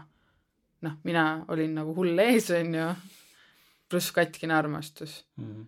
et äh, ja see on ka tegelikult vastutuse võtmine, et äh, et, et äh, sul oli seal üks küsimus ka, et ma ühendan selle jälle sellesama asjaga, et see elu perse keeramine on ju mm. -hmm.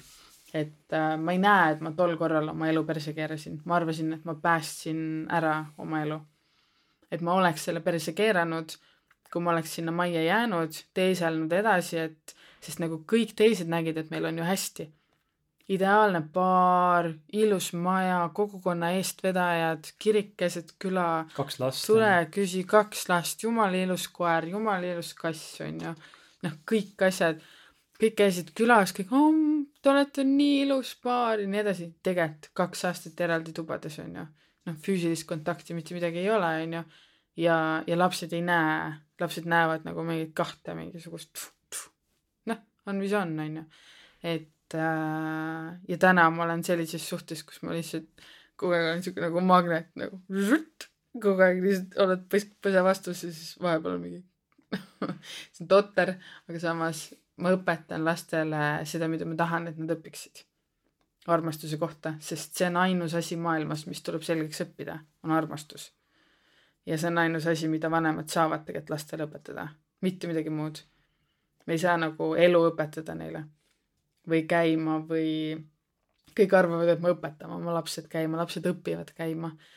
Need noh, mitte ühtegi asja, raha teenima, mitte midagi, ainult armastust ja kui ma selle nagu ära võtan neilt, siis äh,, sest noh, see haigus oli ka, tegelikult oli see meeleheide, on ju.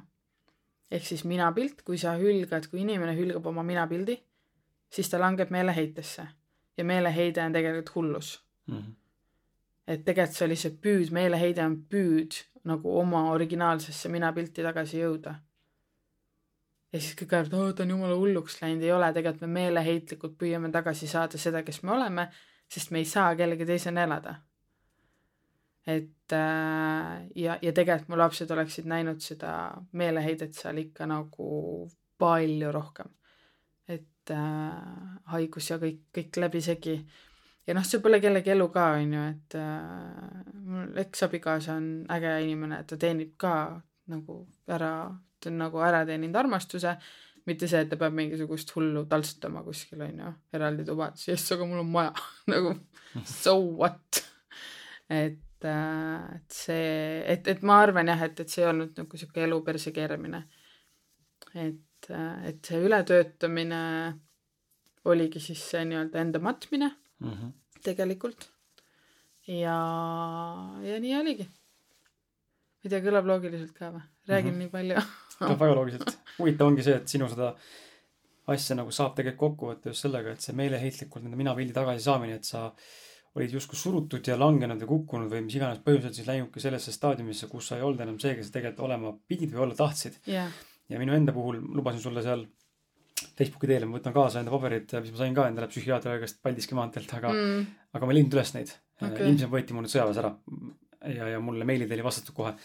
aga ma mäletan seda, et eh, noh, mina läksin teadlikult lollitama. Mm.. mul ei olnud midagi viga tegelikult. Okay.. küll aga ühendab, meie lugu ühendab see, et sõjavägi oli out of my box. Mm..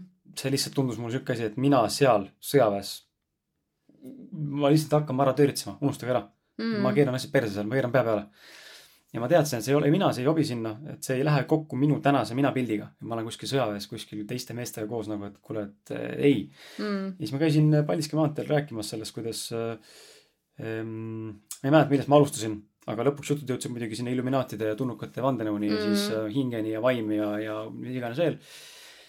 ja ma tegin selle kuussada kolmkümmend küsimust äh, isiksustesti jah, ma olen seda vist mingi viis korda teinud. see on tegelikult päris lahe küsimus, et, et kas ma armastan oma ema rohkem kui isa või, et kui isa sureks ära, kas ma oleksin õnnelik või, et no mingid siuksed täitsa absurdsed küsimused tegelikult. ja mõne küsimuse pealt teadsin, et ei tohtinud kommenteerida, aga ma panin kommentaari kõike sinna külge, et nagu meelega, et, et mm. noh, meelega veel omakorda võimendada seda, mis nad seal minust saavad ja see, mis nad kokku, panevad, nad panevad vaata mingi kirjelduse kokku mm, -hmm. kuhu sa kukud mingi stereotüübi või mingisse nagu mingitesse lõikudesse yeah.. ja siis on mingi tekst, mis sul presenteeritakse paberi peal.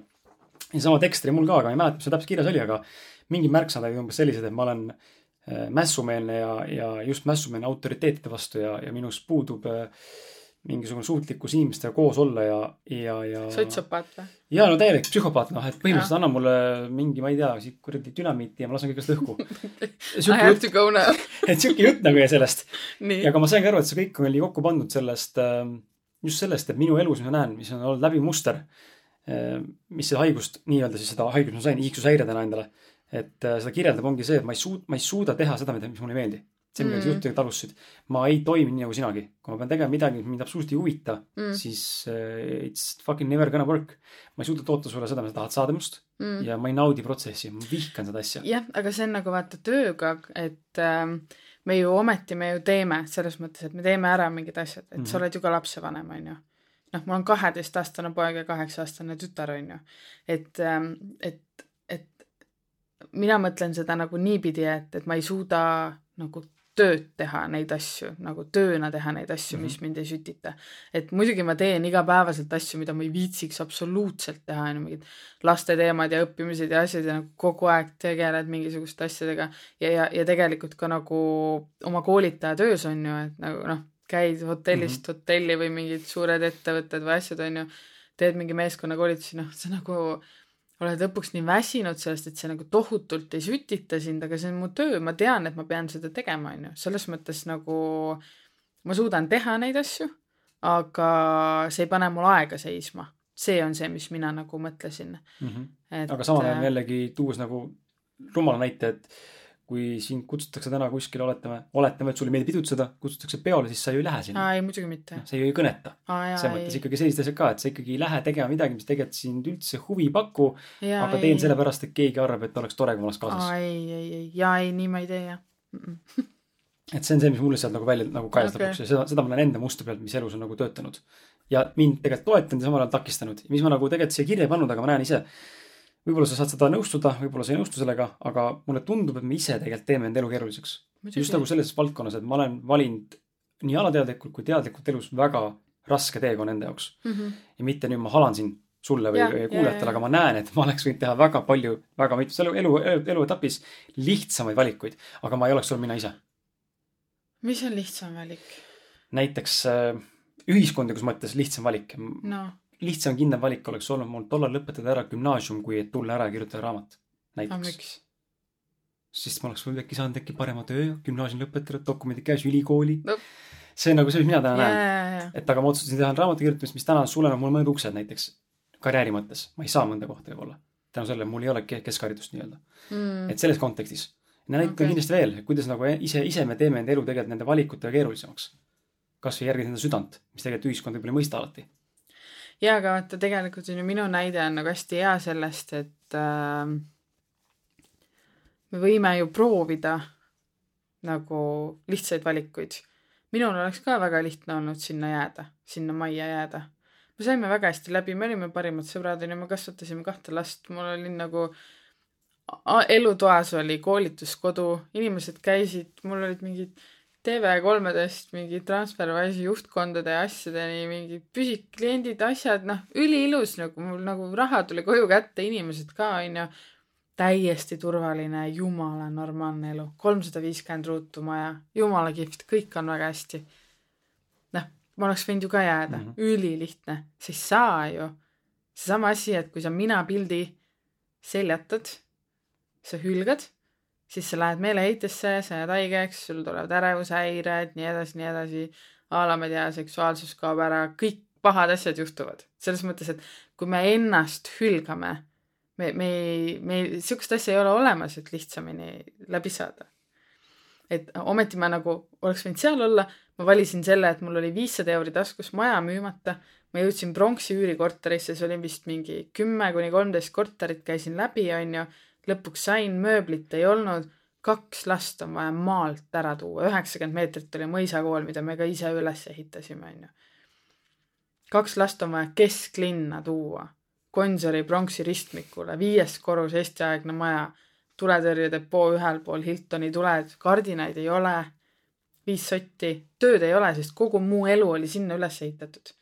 kõik mu asjad olid sinna üles ehitatud Kõuemõis, äh, noh, kõik, kõik asjad, mis mm. vähegi olid, olid seal. siis ma tulen linna ja kui ma seal olin no, mingi Harjumaa hariduse aasta või see aastahariduse sõber ja mingi kuradi koolituskodu sai auhindu ja nii edasi, onju. auhinnatud mingi kogukonna liige, ema, abikaasa, kõik asjad. tuled linna hullu diagnoosiga, viis sotti on taskus, üksik ema musta kassiga, kuradi teeseene ja samavariga, onju ruunid kotis mingi, noh, Tallinn. see ei ole lihtne valik, onju. Mhm. ehk siis seesama asi ongi, ma, ma, aga ma ei saanud sinna jääda, sest seal mulle öeldi, et ma olen haige. ja sealt taheti ära võtta see, mis mind sütitab. see minu töö ja see minu kirjutamine ja see, see, mis mind nagu kannustab. ma ei ole kunagi tahtnud seda elu, et ma lihtsalt elan kuskil ilusasti üheksast viieni nokitsen midagi ja siis teen aiamaad ja olen õnnelik ja käin mingi rabas ja värki ja ma tahan kirjutada, reisida, olla, elada, eks ju, kui keegi mult selle ära võtab, me näeme, mis juhtub mm. -hmm. või siis me vegeteerime seal, onju. teine näide on jälle sellest, et lihtsam elu äh,. mul on ka olnud kuna me abikaasaga elasime nagu kolm aastat äh, nagu siukest e, e, kaks aastat eraldi tubades onju, siukest vaba suhet ja nii edasi onju. peale seda, kui ma linna kolisin, siis mul oli veel kaks suhet enne praegust. ja enne praegust suhet ma otsustasin tegelikult kõik suhted ütlesin ülesse, ütlesin, et fuck you maailm nagu. kui ma ei leia täpselt seda inimest, kes hingab minuga täpselt samamoodi, kellel ei ole mingisugust Halo't või mingisugust, kes ei aja mingit jama suust välja ja kes ei ole sihuke, kes, kes nagu, ma ütlen, kuidas nüüd mitte väga ebaviisakalt öelda. otse äh, see tuleb liiga otse. ütle otse, nii võib öelda otse äh.. oh, see, oh, see on liiga ropp, oota kes ei jama mu hingega. ma tahan inimest, kes ei jama mu hingega. ma tahan meest, kes mind õpetaks nagu olmes nagu, kellele ma saaks nagu alt üles vaadata, kes õpetaks mind nagu igapäevaasjades, sest seal ma olen täielik käpard, onju.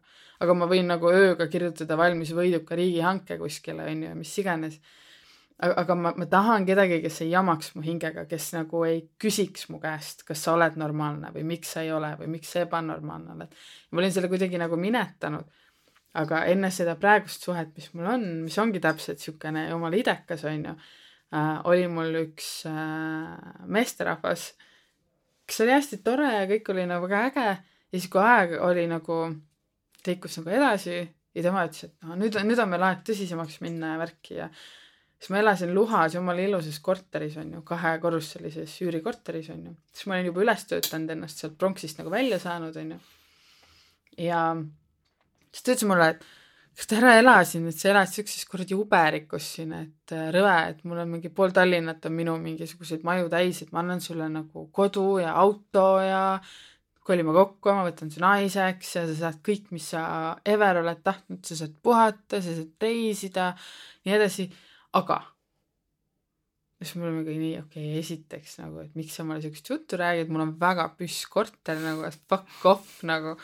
Ja, ja mis aga, aga ma tahan, et sa nagu tooksid oma teadmised, sest mul on nagu turunduse ja mingi müügi kohta on, tuleb sealt infot iga, igalt poolt, on ju.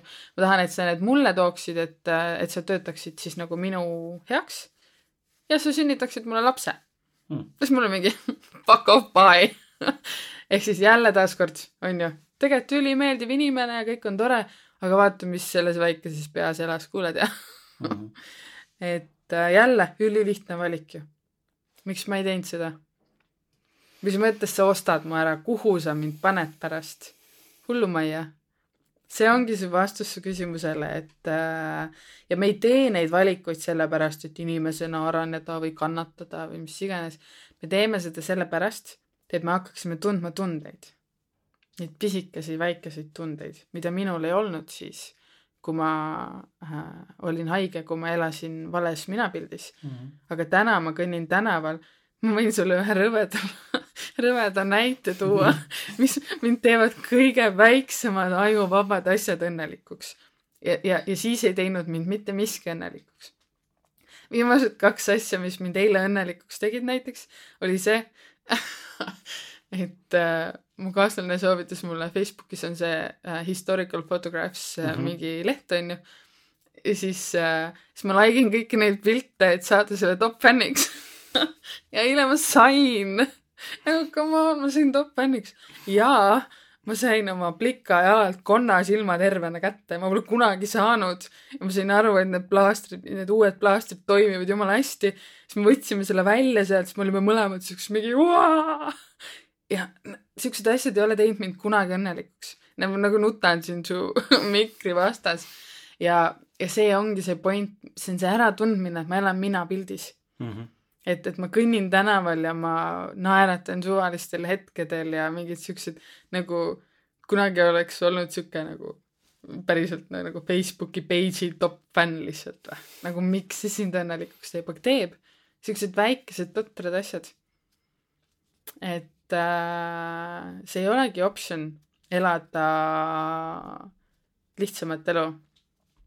sellepärast, et äh, esiteks aeg ei seisa ja teiseks ei tunne mitte midagi mm. ja kui aeg ei seisa ja sa mitte midagi ei tunne, siis sa oled surnud niikuinii juba, arvan ma. huvitavad, huvitavad mõtted tegelikult, mulle väga meeldib, kuidas sa, kuidas sa räägid ja, ja selgitad seda. Ma näen, mul on siin, äh, mind tegelikult äh, tahtsin enne vahele küsida ka, sest et see puudutas lapsepõlve. et äh, lühidalt öeldes sa väidetavalt oled välgu pihta saanud. jaa, sain see ei ole arusaadav veel ei ole et aga, aga räägi võib-olla sellest kogemusest, sest et äh, ja. ma ei olegi tegelikult ise kellegagi, nüüd olen mina õnnelik et ma ei olegi kellegagi kohtunud, kes oleks jalgaga pihta saanud. ma ei, otseselt pihta ei saanud. mul oli niimoodi, et äh, me sõitsime ema ja õega, sõitsime Tartust vanaema juurest koju ratastega ja siis vanasti olid need äh, nagu need plekksillad mm -hmm. sigalate või nagu siuksed mingid plekksillad põhimõtteliselt, mina ei tea, on plekk või? midagi taolist. mingi sihuke lampsild et nagu jah, põhimõtteliselt on nagu pleki mingid ääred ja mm -hmm. mingisugused asjad, et ta nagu ja, ja ta oli siis nagu mingi sihuke keravälgu moodi ilmselt, onju. ja, ja mina sõitsin siis üle selle silla parasjagu ja siis oli nagu vihma ladistas, välk lõi, onju. ja siis see asi lõi siis nagu silda sisse ja siis mina nagu kukkusin ratta pealt maha ja lebasin seal ja mingid autod jäid seisma ja sihuke mingi fire party käis ja siis ema ja õde olid nagu, õde oli veel väike, ema oli suht sihuke nagu ehmunud onju. ja siis mingid kõrvad punased ja värki ja siis mingi hetk tõusid püsti ja hüppasid ratta selga ja sõitsid edasi onju. aga aga öeldakse, et kui sa oled välguga kokku puutunud et oo, et siis sa oled nagu mingisugune raavitseja ja nii edasi, onju. ma teen nalja nende asjade üle.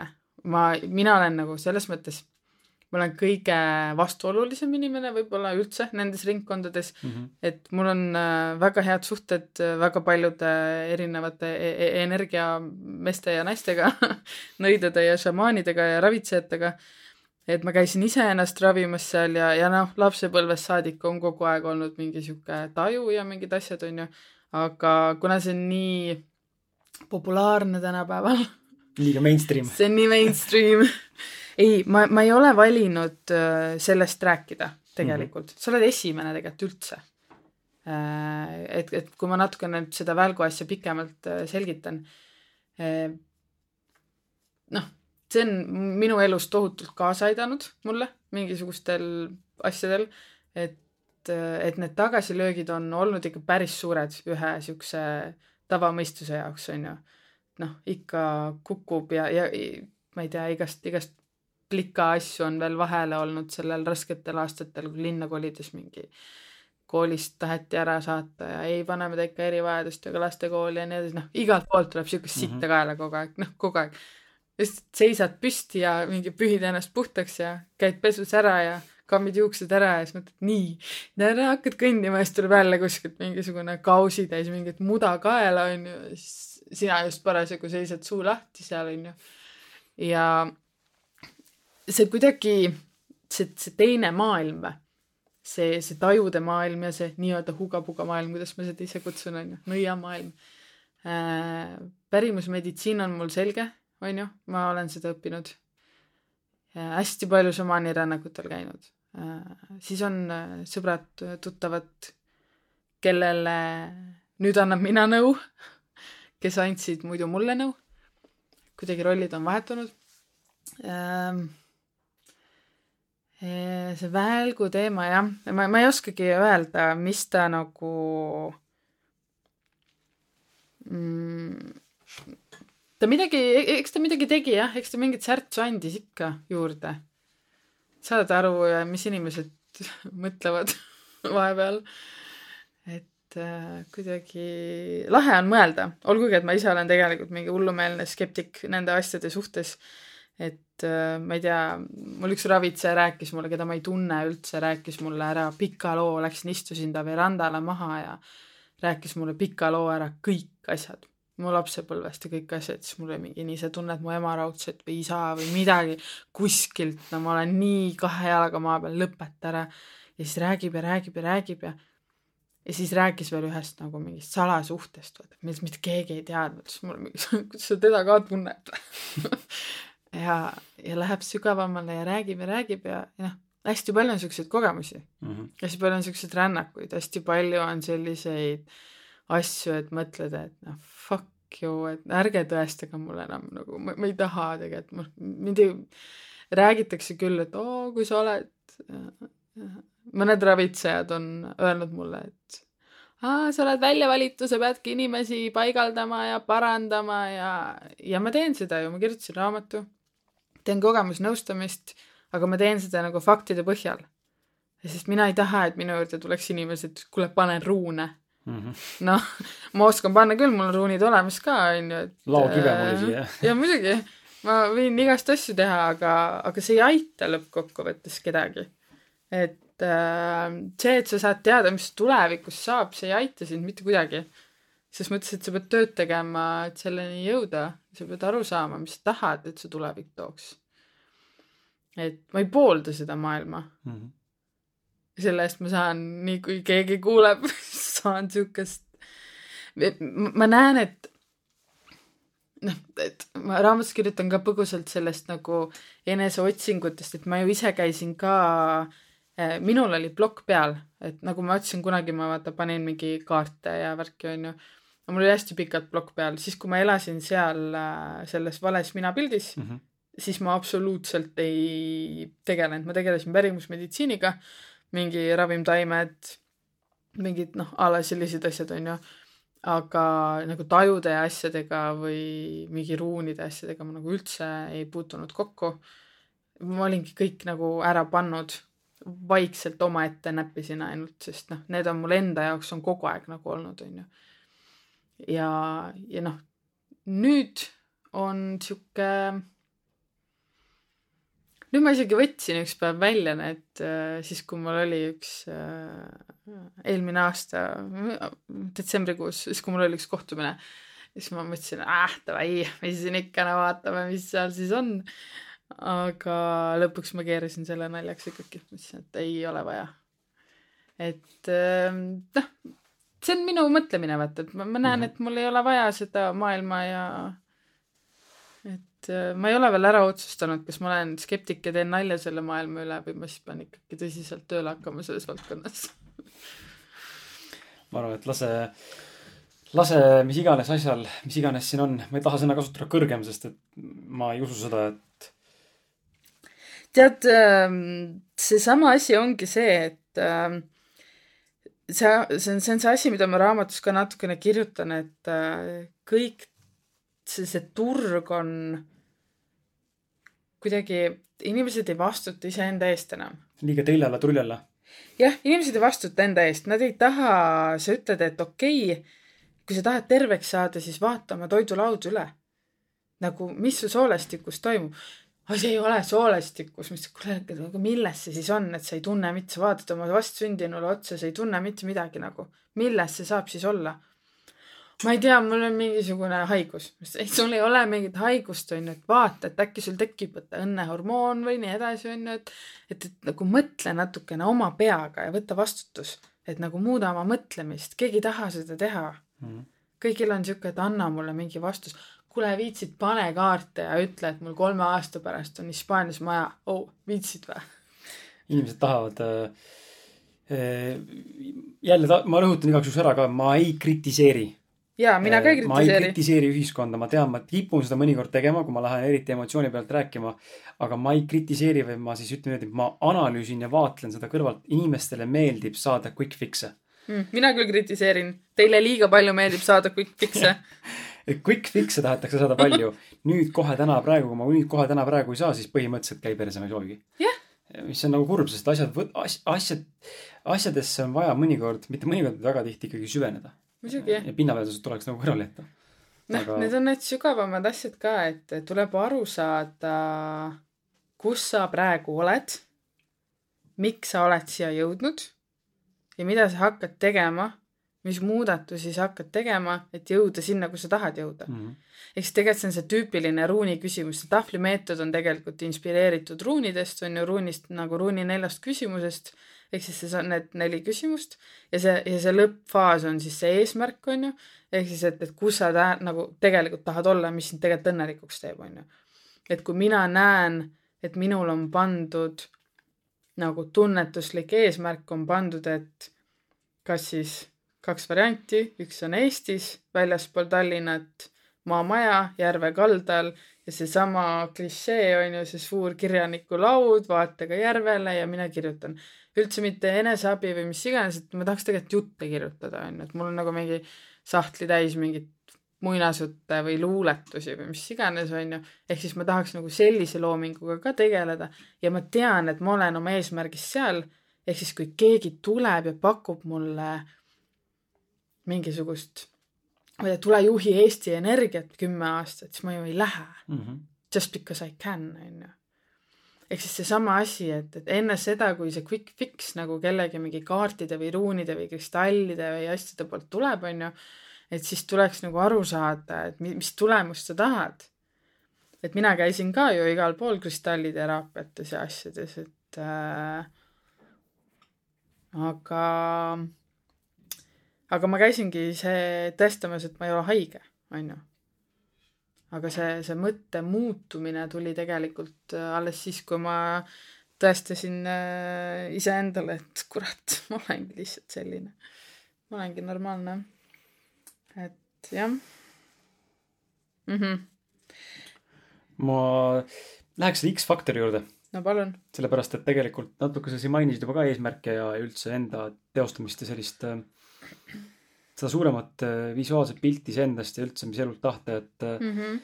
mis asi on see X-faktor, mida sa X-faktoriks nimetad ähm, ja, ja, ja samuti on küsimus, et, äh, et mis sina arvad, mis on see põhjus, tuumpõhjus selles, et me inimestena ootame kogu aeg mingisugust nii-öelda konkreetse asja või, või kogemuse saabumist ja siis me arvame, me oleme õnnelikud, aga tegelikult see kätt, asi kätte jõuab, siis me tegelikult ei ole õnnelikud meil on see ürgne vajadus on sisse kodeeritud, on otsing. seda ka väga paljud inimesed ei tea, et see on see nii-öelda meid liikuma panev jõud on otsing, see on number üks asi, mis meil on sisse kodeeritud, see on te kõik tunnevad kogu aeg, et nagu et ma olen nagu misplaced või nagu, et ma mm -hmm. otsin ennast või ma nagu olen millegi ootel või nagu, et ah, ma praegu ei tee, et, et ma teen siis, kui see tuleb, mis tuleb. aga mida me ootame, mida me otsime? Me otsimegi, see ongi, see on, see on, see on instinkt. see on, äh, see on samamoodi, kui äh, ma ei tea, lõvi magab ja tal hakkab kõht tühjaks minema, siis ta tõstab pea üles ja siis ta vaatab nagu siukse jahipilguga ringi, siuke nagu ehmatus nagu oh, süüa tahaks uh,, instinkt vaata. samamoodi meil on kõht tühi, me otsime. et, et, et see ongi, see ongi üks asi, mis meil on nagu sisse kodeeritud mm. -hmm ja, ja seda saab ainult sellega ravida või nagu korda teha, ehk siis õppimisega. seda saab nagu vai-, vaigistada sellega, et me õpime. me loeme, me õpime uusi asju, me areneme edasi. ja, ja mida, mida rohkem mida laiemalt me asju õpime, seda rahulikumaks tegelikult inimene jääb. et noh, siin ei olegi jälle mitte mingit muud asja inimene otsibki. see on nagu, see on nagu, me sööme, me magame, me hingame, me otsime. aga kuidas otsingut lihtsustada? vaata, sa enne rääkisid neid näiteid, on, on osad inimesed, kellega sa kohtud kümne aasta vältel, ikka otsivad, aga mõni leiab ennast aastaga või, või isegi kiiremini, et kuidas. aga me ei ole ju kadunud. kas ma olen ma ei saa nimesi nimetada, sellepärast et ma leppisin juba raamatu kirjutamise ajal kokku, et ma ei ütle mitte ühegi ravitseja ega nõia nime, sellepärast ütle fake nimi, siis on kontekst olemas. mis asja? ütle fake nimi. mõtle välja äh, üks vana nõid number kaks. üks vana nõid number, miks ma ei ütle, on see, et, äh, et ma ei taha tekitada seda, et kõik hakkavad äh, otsima ja, ja lähevad vastuvõtule, mingi kuule, tee mind ka korda. üks vana nõid number kaks. seisin tema ees noore plikana ja olin sihuke nagu valust läbi imbunud, sihuke mingi, ma ei saa, ma mingi kodus käin ainult ringi ja siis pesen pesu ja siis ei pese. ja siis tõusen püsti ja siis olen köögis ja siis teen teed. noh, kogu aeg mm -hmm. sihuke liikuvus, et oh my god, ma ei tea, mis ma teen, et nagu pea nii laiali otsas, et ma olen nii kadunud. ja siis see vana näid number kaks vaatas mulle otsa, võttis mul nagu õlgadest kinni, ütles, et nagu nagu rahune maha see ei ole kadunud ju, sa oled siin. siis ma mingi, ja aga nagu natuke vaidlesid vastu ja siis hakkasid nagu aru saama, et tegelikult me ei olegi ju kadunud mm. -hmm. tegelikult see teekond on ülilamp. me sünnime ja me sureme. nüüd, kui veel seda vana hinge asja uskuda, on ju, seda eelmisi elusi asju, ma ei tea, kui sina peal sa oled nende asjadega, on ju, piisavalt, on ju, siis ähm, mine sa tea, mitmes elu meil läheb, on ju, mine sa tea. et äh, igas elus ei pea iga inimene tegema midagi märkimisväärset. me ei pea jõudma kuskile, ma ei tea, jäämäe tippu ja mingi tuhandeid firmasid looma või mida iganes, me ei pea tegema neid asju. sest vahepeal annab nagu palju suurema, mina ütlen alati niimoodi, et et see otsimine on selles mõttes, ta on nagu kasutu, et äh, me raiskame oma aja ära ja üheksakümmend protsenti inimestest otsib ennast tööst. ehk siis, kui sa küsid, mis sa teed, siis sa ütled mulle, et aa, ma teen olen kirjanik, ma teen podcast'e, nii edasi, nii edasi. ei, aga kes sa oled või nagu, mis sa teed või mis, mis nagu toimub üldse, siis nagu väga ei olegi vastuseid, inimesed tohutult otsivad tööst ennast ja nad on kogu aeg kadunud ja siis, kui nad töös ei õnnestu, siis nad valavad oma pettumuse oma mingi elukaaslase või kellegi peale välja mm, -hmm. oma mingi ärevused ja mingisugused asjad, on ju. justkui nemad peaks siis nagu ka aitama otsida, aga neil on ju oma tee, on ju. ja siis kõik nagu otsivad ja otsivad ja otsivad ja, ja kui sa selle nagu, mida rohkem sa otsid, seda vähem sa õpid. tegelikult hästi paljud, see, see on vastuoluline, ma tean, hästi paljud ju on kogu aeg enesearengus, on ju. muudkui otsivad ja otsivad, et tegelikult see võiks olla nagu õppimine, on ju. aga see on äh, enesearengu raamatud ei õpeta meile ühtegi uut teadmist. tegelikult, ühtegi uut oskust. Nad ei õpeta meile, kuidas teha näiteks äh, merekonteinerit, on ju aga miks keegi hommikul üles ei ärka ja ei hakka, ei võta näiteks kümme raamatut merekonteinerite materjalide kohta või ehituse kohta ja võtab lihtsalt läbi, võtab endale eesmärgiks, et ma nüüd õpin tegema täiesti uutmoodi merekonteinereid. noh, keegi nagu ei õpi oskusi enam, keegi ei õpi nagu päris asju, keegi ei õpi siis nagu lusikat voolima või midagi, et, et et vala see nagu loomingusse või, või nagu see õppimine peatab otsingu mm. -hmm. et vaata, vanad inimesed ju nokitsevad ja punuvad võrku ja möllavad või koovad või teevad midagi, onju. siis me loeme, ahmime sisse, et me peame kell viis ärkama, me peame seda tegema, me peame seda tegema, me peame seda tegema. lõpuks sul on viiskümmend viis raamatut läbi loetud, aga puust lusikat oskad teha? ei Ikka oska, oska. et äh, mida rohkem me oskame päris asju mina näiteks tahaks minna hispaania keelt õppima. noh, käsitöös ma olen ilgelt halb, onju, ma lähen nüüd äh,, sügisest läksin laulmist õppima ja nüüd jaanuarist tahaks jätkata jälle, onju. et, et siukseid päris asju tuleb õppida. ja see nagu pidurdab selle otsingu. sest mida rohkem me õpime asju, mis meile meeldib ja mis meis mingeid tundeid tekitame seda, seda rohkem see aeg vaata peatub, on ju, ja kui aeg on peatunud, siis me ei otsi. oled mm -hmm. tähele pannud või mm? -hmm. mul juhtub see kirjutades nii nagu sul. just. minul juhtub see, kui mul mingi hullud otsingutuurid peale tulevad, siis ma kirjutan luulet. et äh, või siis ongi, õpid midagi uut, täiesti jumala random asja. et äh, see, see on nagu see point, et ähm, ei tasu minna hulluks ennast otsides ja, ja hästi palju on neid inimesi, kes nagu räägivad sulle mingisugustest noh, miks ma ütlen ka, et ma olen skeptik nendes mingi hugapuga asjades, et tuleb ja räägib mingi jõu, ma tulen mingi kosmosest ja ma olen mingi saadik ja ma mingi ravin su terveks, ma olen kosmosesaadik. aga mis su nagu maine nimi on? Ma ei tea, Anastasia, no tere, Anastasia, nagu, et mina olen Kati, me elame siin planeedil, me oleme nagu siin reaalsuses, me, me mõlemad ostame vahepeal isegi HM-ist asju nagu, kuule, nagu rahune maha, vaata mm. -hmm. et ära, ära, ära mine hulluks, sest me peame ju siin kõik hakkama saama. see on ainult üks elu. Neid on võib-olla mingi tuhandeid veel meil ja siis inimesed kulutavad tegelikult ära selle nagu tohutu tähenduse loomisele. Ja tegelikult, kes jäävad ta-, mina tegin ka samamoodi ise mingil hetkel ja tegelikult, kes jäävad tahaplaanile, on ju tegelikult need lapsed, on ju mm. -hmm. või, või pere või nagu päris asjad. ja siis mingi hetk sa mõtled, ärkad öösel üles oh,, homme ma tegelen raudselt oma lastega palju rohkem ja homme ma olen mingi hea inimene ja mingi palju parem ja siis tuleb jälle mingisugune TEDx kuskilt, kes ütleb, et ma ei tea, et kuradi Robin Sharma tuleb Eestisse, et mine nüüd. jälle lapsed, tooge nad ära kuskilt sealt lasteaiast, las neid olla, onju. et ja tegelikult ma ei kritiseeri, Robin Sharma on väga äge ja see on nagu hästi tore, aga ta on nagu ehtne tõestus minu jutule, et mees seisab laval ja ütleb, et nagu armastage üksteist, käige looduses hingake ja tehke, mis teile meeldib teha. tegelikult need on ülilihtsad mm -hmm. sõnumid. väga lihtsad. ja, ja kui me teeme tööd, mis meile ei meeldi, siis me saame alati äh,, mis mida ma oma meeskonnakoolitustel teen, nagu teen päris suurtele ettevõtetele siis äh,, kellel noh, mingi üle Eesti on vaata suuri mhm. kohti, on ju, selliseid erinevaid mingeid meeskonnakoolitusi ja, ja, ja raske on ju koolitada nagu teenindajaid.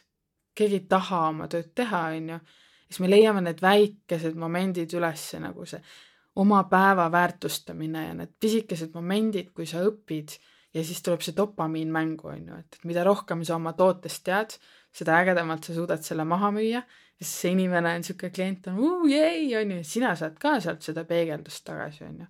ehk siis tegelikult nagu see õnn, see X-faktor või see nagu õnn ongi selle, ma tean, et see on klišee, aga selle iga väiksema asja väärtustamine, nagu come on, see, et ma selle konna silma sealt kätte sain, see on nii tähtis, et ma räägin teile seda, kuulajad siin ja Kris sulle. ehk siis nagu, aga kes, kes, kes, kes teist mõtles üldse viimati millelegi nii pisikesele kui üks konnasilm ja selle kättesaamine? et äh, ja see on nii äge, kui, kui me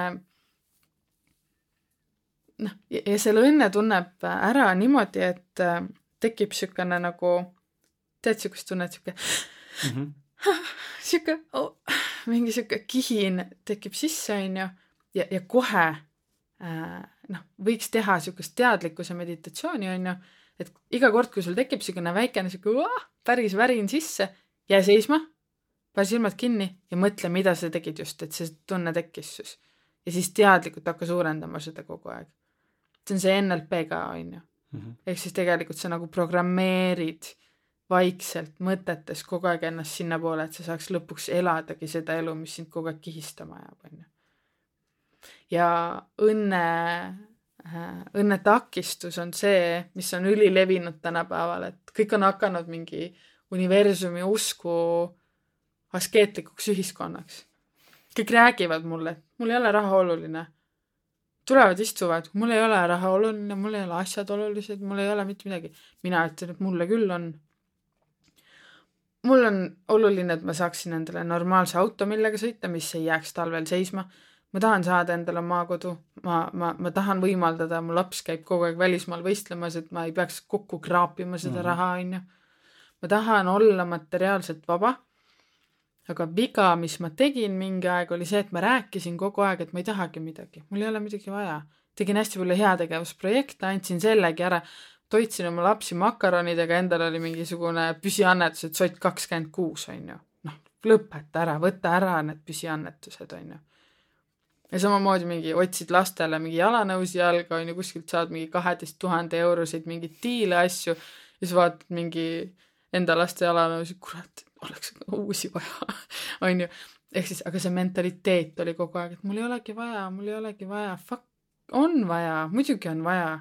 Selleks, et mina saaks teisi toita, peab olema mul kõht täis, on ju. Mhm. ja, ja see, et ma sinna Hispaaniasse seda suvekodu tahan oma või siis veinivillat isegi onju, see on, see on ainult normaalne, sest see on peale, oled seda filmi, see The Good Year näinud? see polnud küll Hispaania, aga see oli Prantsusmaa. ta sai ka päranduseks siukse vana veinimõisa onju ah, üliäge, muidugi ma tahan, et mul oleks koht, kuhu minna ja kus olla ja et ma pool aastat saan seal elada ja pool aastat saan Eestis, mul on, mul on väga suured materiaalsed unistused ka. ja ma nagu ei piitsuta ennast selle pärast. hästi paljud piitsutavad, nagu mm -hmm. miks? Pole vaja. et äh, jumala okei okay on öelda. nüüd siis ma küll ei mulle ei meeldi need lollid unistused, see, et mingi ma mingi work, work, work, work, hustle, hustle, hustle, hustle, mingid Ferrari'd, asjad. sa küsisid, et okei okay,, jaa, chill, aga mis sa selles Ferraris teed, mis see Ferrari sulle teeb head? mis, kas see Ferrari teeb sulle selle, selle päris sooja õnnejuti sisse? ja kui see Ferrari sulle seda ei tee, siis seda Ferrarit pole mõtet sul tahta. See Hispaania maja teeb mul, sest ma tean, et ma sõidan sinna ma kirjutan, ma joon oma veini rahulikult, olen, pressin oma viinamarju, värkist-särki, kirjutan seal oma lugusid. see tekitab mul selle tunde. ehk siis ma arvan, et siin tuleb ka nagu see äh,, läksin nüüd äh, surfama oma mõtetega. see on väga hea ma, ma segan... tundsin, et ma pidin selle ära rääkima kuidagi. sa mainisid äh, seda, et äh, kõik inimesed võib-olla ei peagi olema märkimisväärsed ja tegema märkimisväärseid tegusid. ma toon siia ühe huvitava näite sulle, et sa ei pea sinuga nõustuma, see on lihtsalt üks mõte, mis mul on hakanud pärast tiirlema siin viimastes diskussioonides ja oletame nagu, lähme siis sellesse korra sellesse vaimsusesse ja, ja esoteerikasse ja sellesse hugapugasse ja ütleme sellisesse kosmosesse kvantfüüsikasse, et oletame, Kati, oletame, et äh, kõik maailma inimesed on siia tulnud mängima seda me täna mängime, planeet mm -hmm. Maal elu. ja, ja siis mul on siuke mõte olnud vahepeal peas, et huvitav, et ma hakkan nagu leppima sellega ja aru saama sellest rohkem mõistma ka, et just nimelt ka enda osas me ei pea niimoodi ennast piitsutama ega, ega jõudma, ma ei tea, ma ei tea, kuhu jõudma, kellega ennast siin võrdlema, et äh, meil kõigil on oma roll ja, ja täiesti võimalik, ma ei tea seda, eks ole, aga ma arvan ja kuidagi resoneerun sellega, et täiesti võimalik, et meil kõigil enda roll ja on ka selliseid inimesi, kelle roll täna ongi olla nähtamatu kelle roll on olla nähtamatu ja kelle roll, mitte ainult nähtamatu see, et ma teen telgi taga midagi ja tulemused tulevad küll, aga keegi ei maini mind. see on teistmoodi nähtamatu, aga nähtamatu selles mõttes, et võib-olla ma olengi mõelnud täna kümme aastat enekat tegema. ma tegelikult oma selle panusega justkui see on kurb sündmus, negatiivne sündmus, et tappis ennast ära. kümneaastaselt appi, appi, appi. aga võib-olla ma selle rolliga tegelikult täitsin seda suurema pildi rolli. ja ma lükkasin seda süsteemist, et võib-olla mm. seda oli vaja teha et keegi pidi tegema seda selleks, et see, mis siin täna toimub, saaks funktsioneerida mm.. ehk siis ma usun millegipärast seda, et me teadlikult, äh, teadlike olevuste või siis teadvusena, ma arvan, me ikkagi valime ka kehastada siia ennast sellisesse rolli, nagu täna oleme. ja, ja kui me ikkagi otsustame teha siin midagi sellist, mis äh, tundub justkui mõttetu, siis, siis me tegelikult aitame suurele pildile kaasa, sest me oleme teinud yeah. otsuse, et me täna langeme nii-öelda, et võita seda seda nii-öelda siis. aga mitte miski ei ole ju tegelikult mõttetu, mida üks inimene teeb. absoluutselt aga see on see, mis meil ühiskond tahab maha müüa, et kui mm -hmm. sa ei ole järgmine Transferwise'i omanik või looja või sa ei tee siin järgmist Uberit või mingit asja mm, -hmm. siis mhm. no, või sa pole järgmine Robin Sharma, siis põhimõtteliselt uks on seal, võid ära kõndida. et noh, see on kurb lihtsalt. see on naljakas, sest kui küsida nende samade Robin Sharmade või äh, Elon Muskide või Transferwise'i loojate käest, kuidas teil läheb ja mis te arvate oma tööst, siis nad ütlevad sulle it's just a job. Nad on üli humble kõik ja, ja, ja neil on täpselt samasugused, nende emad, nende isad on kuskil, kas äh, töötavad mehaanikutena või töötavad poes või postkontoris või mis iganes. mitte keegi mitte kuskil, kes on jõudnud äh, läbi raske töö kuskile tippu, jõudnud päris ise üles töötanud tegelikult iseennast ei toeta seda eduühiskonna mingi mm -hmm. sa pead mingi hustler olema onju et, et mina vahepeal mõtlen, et kust see nagu tuleb kõik. et mina tegin ka Instas ju tegelikult selle testi, kui ma kirjutasin seda raamatut, siis ma mingi vahe tegin niimoodi, et ma tegin kaks nädalat, tegin siukest hustleri testi, onju. Mhm. panin siukseid story si ja siukseid pilte, mingi hustlers life ja nagu mingi päo, mingi ma mingi täiega saavutan seda, seda, seda ja, ja vastavalt sellele, kuidas mina muutusin muutusid, noh, mul oli umbes, ma arvan, mingi kakskümmend kuni viiskümmend inimest, kes kogu aeg reageerisid, onju. ja vastavalt sellele, kuidas mina muutusin, kui ma olin kuu aega tagasi Kati, kes käis allikal, sest ma käingi allikal, ma olen maausuline, onju, ma, ma, see on minu elu, onju, ja ja, ja siis, siis mulle räägiti, et oo oh, oh, mingi äge ja mingi namaste, namaste nagu mm -hmm. Eesti allikalt thanks no. ja ala mingeid siukseid asju onju. Ja siis, ja siis, siis kui ma seda Hustleri katit tegin, siis needsamad inimesed olid äkki Hustlerid mm. -hmm. ja siis, kui ma tegin seda nagu depressiivsemat, et Kati on väsinud katit onju, siis nad olid ka mingi, ma olen ka tegelikult väsinud kuidas sa ees lähed, nii nad järgi tulevad.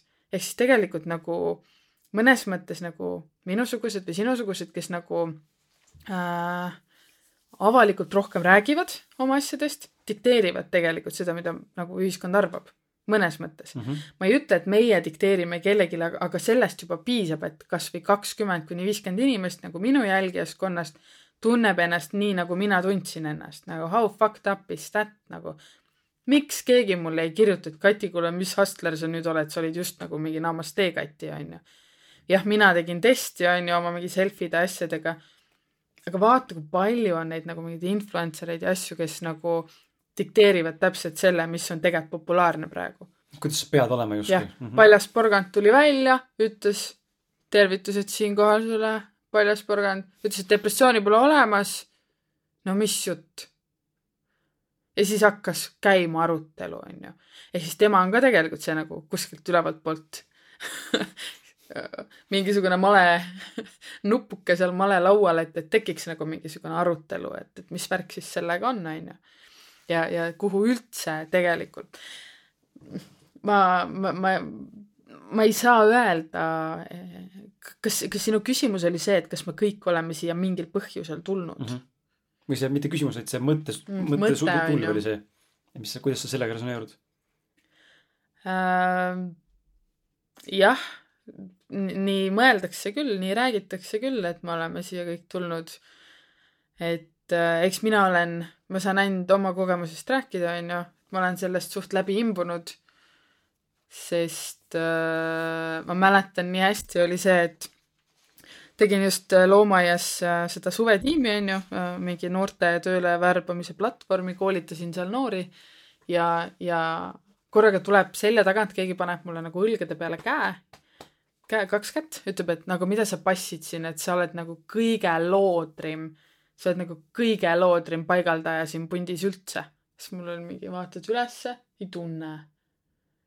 ja siis tuli välja, et on mingisugune tähtis mingi energomees Eestis on ju, mingi energiamees, kes nagu parandab mhm. inimesi mm -hmm. ja nii edasi, onju.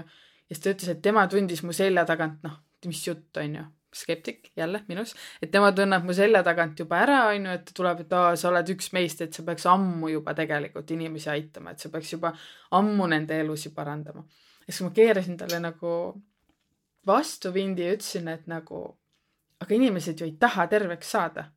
las ma ehitan oma ärisi siis nii kaua, kui inimesed päriselt tahavad terveks saada sest minu arust on see küsimus on nagu meid, meid võib, võidakse siia paigaldada, mis iganes, et ke, kellelgi on oma mingid eluülesanded, on ju. aga, aga selleks, et nagu inimesed saaks oma eluülesandeid täita, tuleb siis nagu, nagu aru saada ka vaata, et kes me oleme, on ju, ja selleks, et mina saaksin võib-olla et ma tahaks üldse kedagi aidata, sama nagu teeninduskoolitustega, mulle antakse mingi vahepeal viiskümmend inimest saali, kes üldse ei taha oma tööd teha, ja mina pean neile rääkima, et te miks te tahate oma tööd teha. ja vahepeal tekib mul inimestega ka, kes tulevad minu juurde, tuleb nagu kogemusnõustamisele ja siis kaks tundi räägid, räägid, räägid, onju, ja sa ütled nagu, mida sa teed siin? sa ei taha saada terveks ja sa tahad nagu halada lihtsalt kellelegi või? nagu mine ära, ära tule enam no.. mis mõttes, aga ma maksan nagu võta oma raha ja mine minema, et nagu miks sa peaksid nagu hästi-hästi palju on seda, et äh, räägitakse, et ühiskond on haige ja et mm. räägitakse, et arste on vähe, et depressiooni on palju ja keegi ei aita mitte kedagi, aga tegelikult inimesed ei taha terveks saada. Seda, aga seda vaata, see ongi see Hiina lause, et inimesed ei taha tegelikult terveks saada, see on nagu harsh truth, seda ei saa öelda, sest et see haavab inimest. ma tean. tähendab, mitte, tähendab, seda saab öelda, siin saates saab, ma olen ka see, kes ütleb selle välja, kui vaja on, aga yeah., aga inimestele ei meeldi, kui sa ütled ots-, kui, kui inimestele ei meeldi, kui seal ei ole seda nämmutamist kõrval. ma tean. ja see on kurb, aga, aga, aga see nämmutamine, mida ma iseenda puhul näen, see nämmutamine on mõnikord see, miks ma olen inimesena vulgaarsem ja võib-olla selline liiga otsekohene ja võib-olla mõnikord liiga mõtlematu justkui mm. enamike väljendamise jaoks. see paneb mõtlema Yeah. mind, minu puhul töötab see ja siis mul võib olla mingi lootus ka, et kui ma olen samasugune ja tulen vajutan rusikaga seda lauda, siis äkki paneb see ka sind mõtlema, mitte ma tulen valan sulle seal eh, roositulpe ja mingi lillekesi ja lehtesid ja siis näitan vikekaart sulle ja silitan su tagumikku ja see ei tööta mm. enam. see aeg on läbi. noh, me ei saagi niisama öelda, vaata niisama ei saagi öelda inimesele, et noh, miks mina saan seda öelda, on see, et mina ise olin samasugune mm. -hmm. on ju. see ongi kogemusnõustamine. Mina saan ainult seda kogemust nõustada, see, mis mina olen ise läbi teinud ehk siis sel hetkel, kui ma otsustasin, et jah, olgu, mul ei ole midagi viga, mul on lihtsalt vaja see elu korda teha nagu. et ma ei ole haige. tegelikult mul on lihtsalt vaja vastutus võtta ja tööle hakata nagu. ja, ja ega ma niisama ei ütlegi, aga siis, kui keegi tuleb ja küsib abi, aga kui ta ajab nagu mingisugust kelvast suust välja, no mingid siuksed fake põhjused ja asjad mm -hmm. ja mingi ja sa ütled nagu, aga proovi nüüd selgitada, mis nagu tegelikult toimub, on ju. siis on see küsimus, et äh, kuule, et kas sa tahad siis nagu päriselt abi saada või sa tahad mingisugust kaastunnet. sest vaata, ühiskonnas on nii palju üksildasi inimesi. nagu see nutimaailm on ka meid eraldanud veel rohkem, on ju ja, ja vahepeal ei olegi inimesed mitte, nad ei tahagi abi saada, vaid nad tahavad seda nagu inimkontakti. Connection'it jah, nii-öelda. jah, sest sellest on puudust mm. -hmm. ehk siis tegelikult see on üksildaste inimeste nii-öelda ühiskond.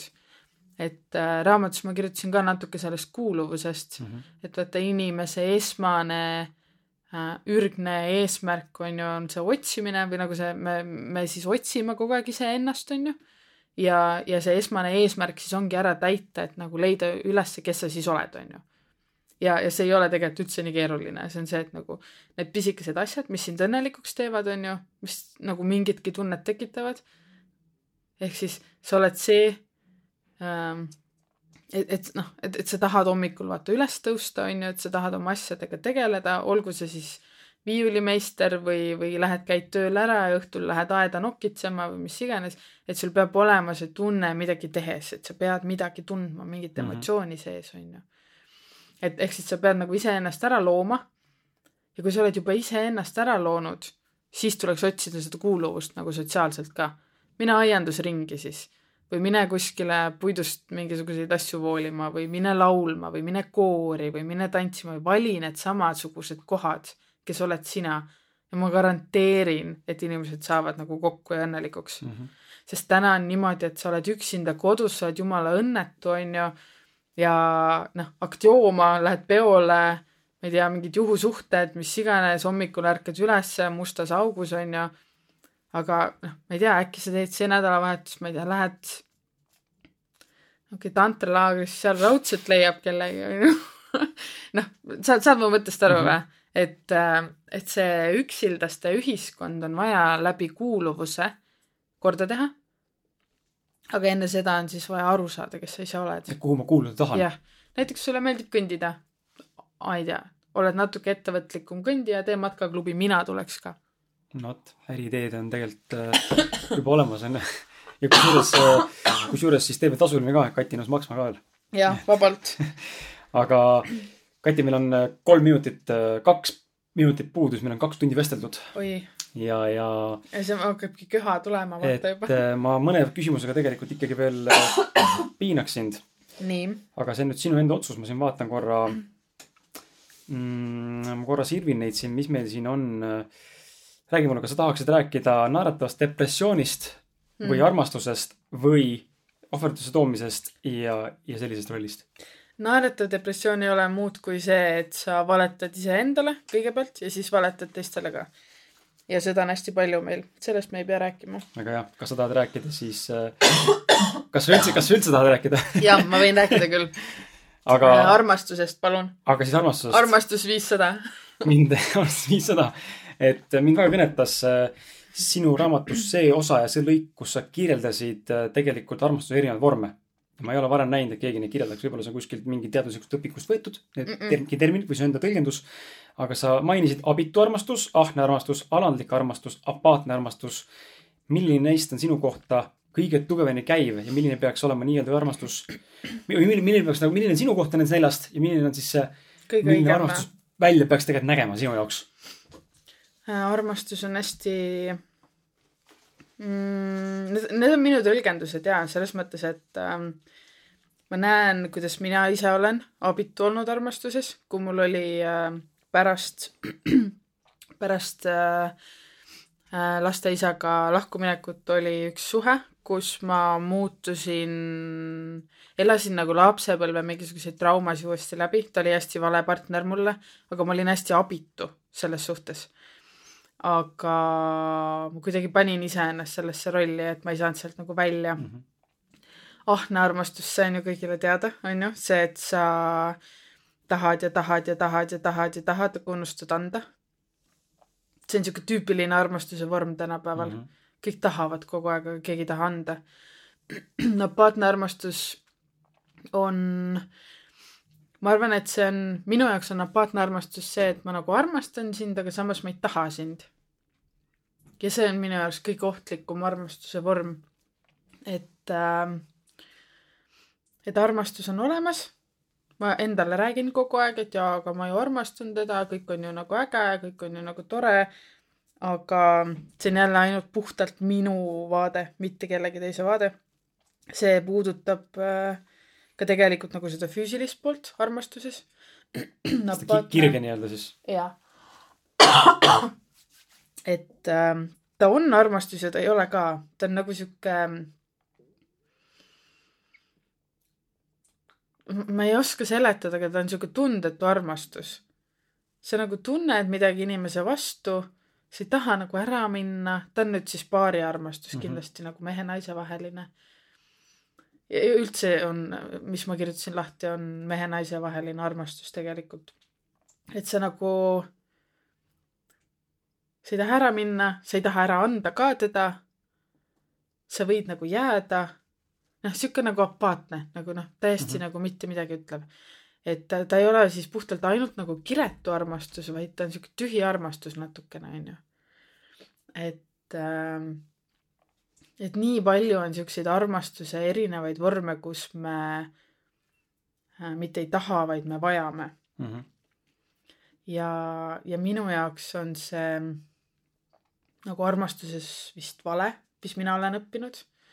et äh, kui mina tahan inimest, siis on minu jaoks kuidagi õige armastus. kui ma vaatan talle otsa, ma mõtlen, fuck, ma tahan sind nii väga, ma tahan vaimselt sind, ma tahan füüsiliselt sind. ma nii väga tahan, aga ma otseselt ei vaja, et ma jään ellu ilma temata. ja kui ta peaks nagu ühel päeval uksest välja kõndima, siis mul on ülivalus ja paha ja sihuke, aga ma ei sõltu temast mm. -hmm. nagu ma ei ehita ennast tema najal ülesse ma ei äh,, ma ei hakka temas oma vigu otsima, ma ei hakka, ma, ma nagu, hästi palju tehakse paaris suhtes seda, et äh, et kui mul on endal puudujäägid või endal on segadus, siis ma hakkan nagu kaaslasest otsima ja torkima teda. hästi palju paarid lähevad lahku, kui keegi hakkab ennast otsima, mingi, aa, ma lähen mingi eneseotsingu teele. sa saad seal Indias nii ka ära käia, et ei pea lahku minema sa ei pea inimest nagu torkima, sa ei pea talle, sa ei, ta ei pea hakkama joogat tegema. kui sina teed joogat ja oled järsku vege üleöö ja tema tahab süüa viinerit ja tahab käia peol, las ta sööb viinerit ja käib peol. senikaua, kuni te koos suudate nagu oma elu nagu normaalselt ajada, selles mõttes, et kui te olete juba koos olnud, siis see kõige valem asi on see, et, et hakata suruma nagu iseennast teisele inimesele mm -hmm. peale. ja siit tulebki see minu vastus on see, et kõige õigem armastus on see tingimusteta armastus minu jaoks. ja näiteks selles praeguses tänases suhtes ma tunnen seda, et ma, ma ei taha või, või ma ei vaja talt mitte midagi.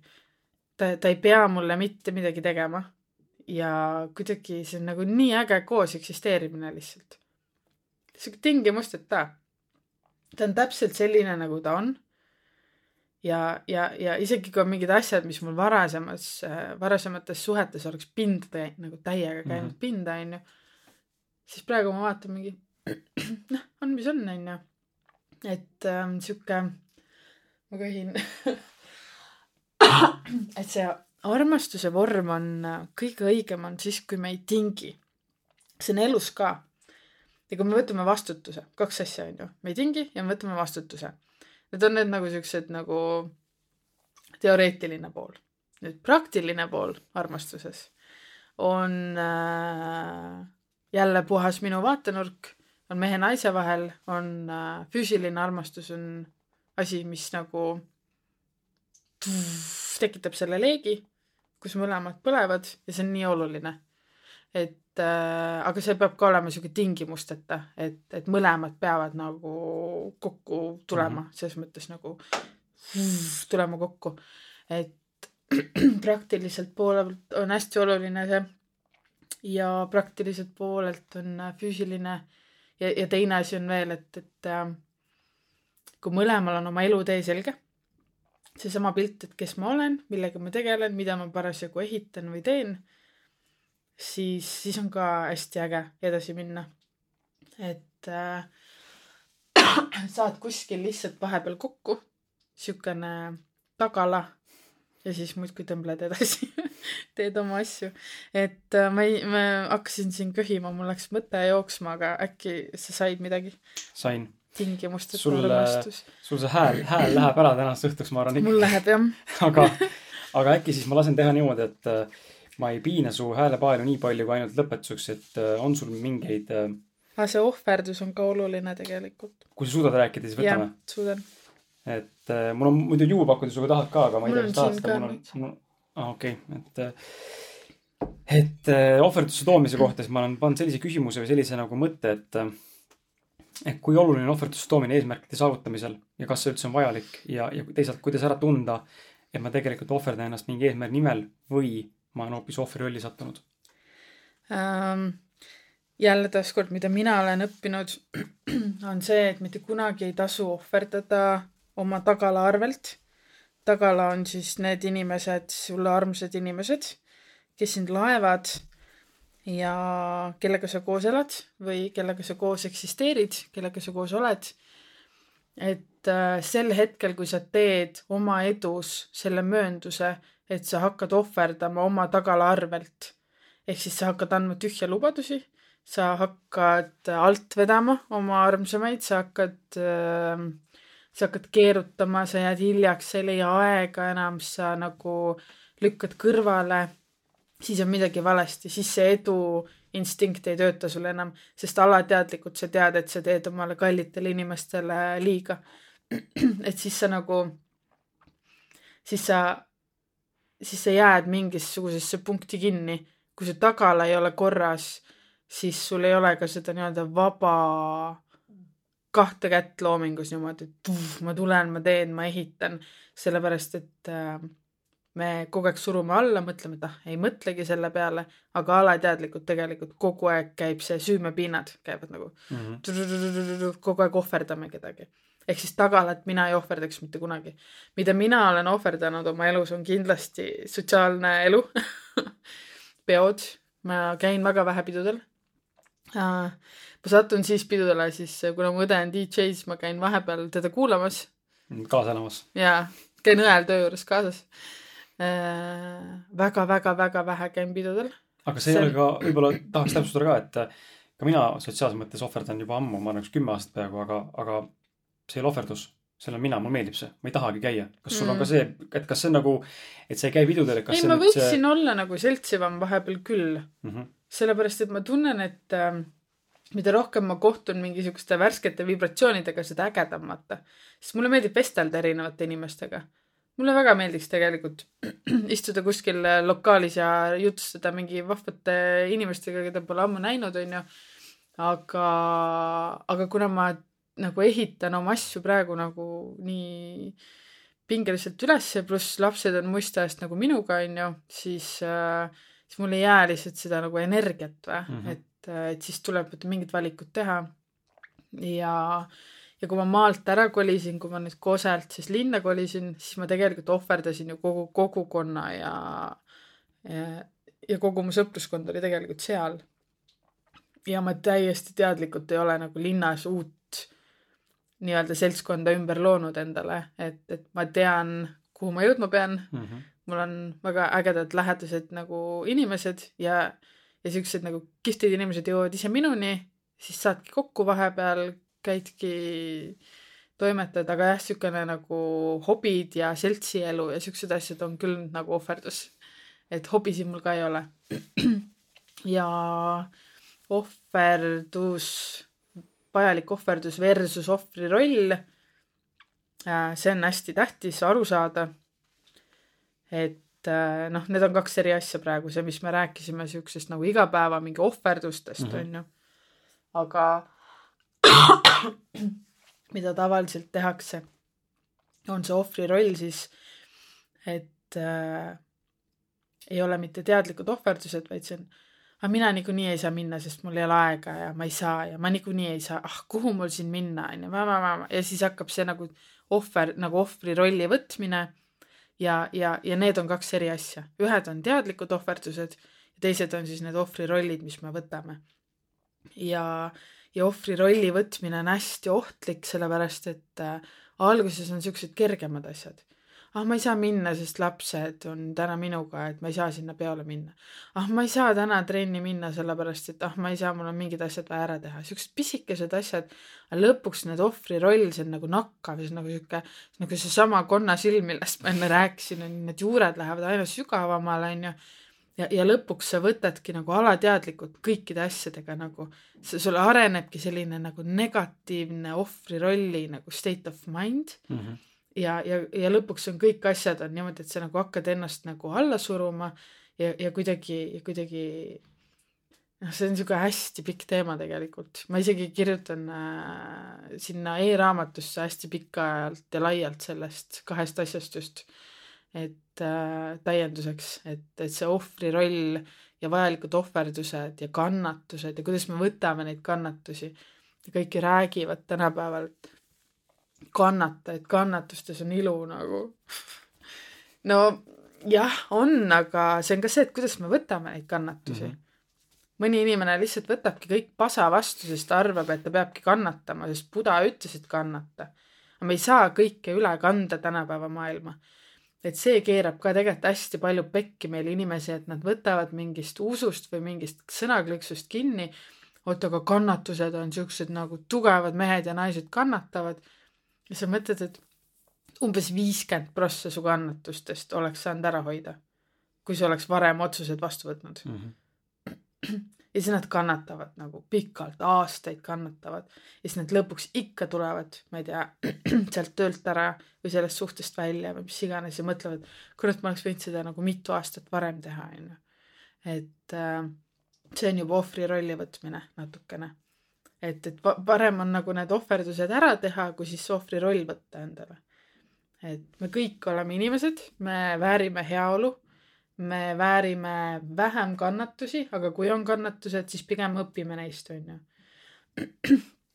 et äh, mida ma tahaks öelda inimestele, et nagu olge õnnelikumad kuidagi et äh, tahtke rohkem, aga mõistlikult ja, ja kui te midagi tahate, siis alati vaadake selle maja või laeva või ma ei tea, kes see Gary Vee tahtis mingisugust, mingit meeskonda. klubi endale saada. klubi on ju. ehk siis, et saab endale selle klubi, aga mis selle taga on nagu, mis tunnet otsib või mida ta tegelikult otsib selle klubiga. kellele ta siis ennast tõestada tahab. aga ma tean, et tal on see nagu Äh, pandud selleks nii-öelda achievable nagu non-achievable mingi mm -hmm. goal on ju, et töötakse ennast lõhki ja nii edasi, nii edasi on ju.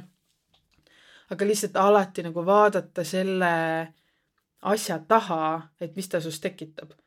ja võib-olla ei ole vaja seda suurt reisilaeva, võib-olla sa võid endale lihtsalt mingi kuskile Viljandi järvele paadi osta ja sa saad täpselt sama tunde, on ju. Mhm. arvan ma, ma ei tea, võib-olla ma, mul ei ole kõiges õigus, aga arvan ma kust äh, sinu kohta leida võib infot, kus meie inimesed näevad sind äh,? ma olen Instagramis ja ma äh, www.katisuun.ee, ma hakkan sinna rohkem kirjutama kohe, kui ma aega saan. ja Instas hakkab äh, järgmine põnev challenge pihta et kuna see vaimne teekond, mis ta on nüüd see enese tervendamise teekond on mm -hmm. kestnud tänaseks aasta kaks tuhat neliteist. meil on kaks tuhat kakskümmend.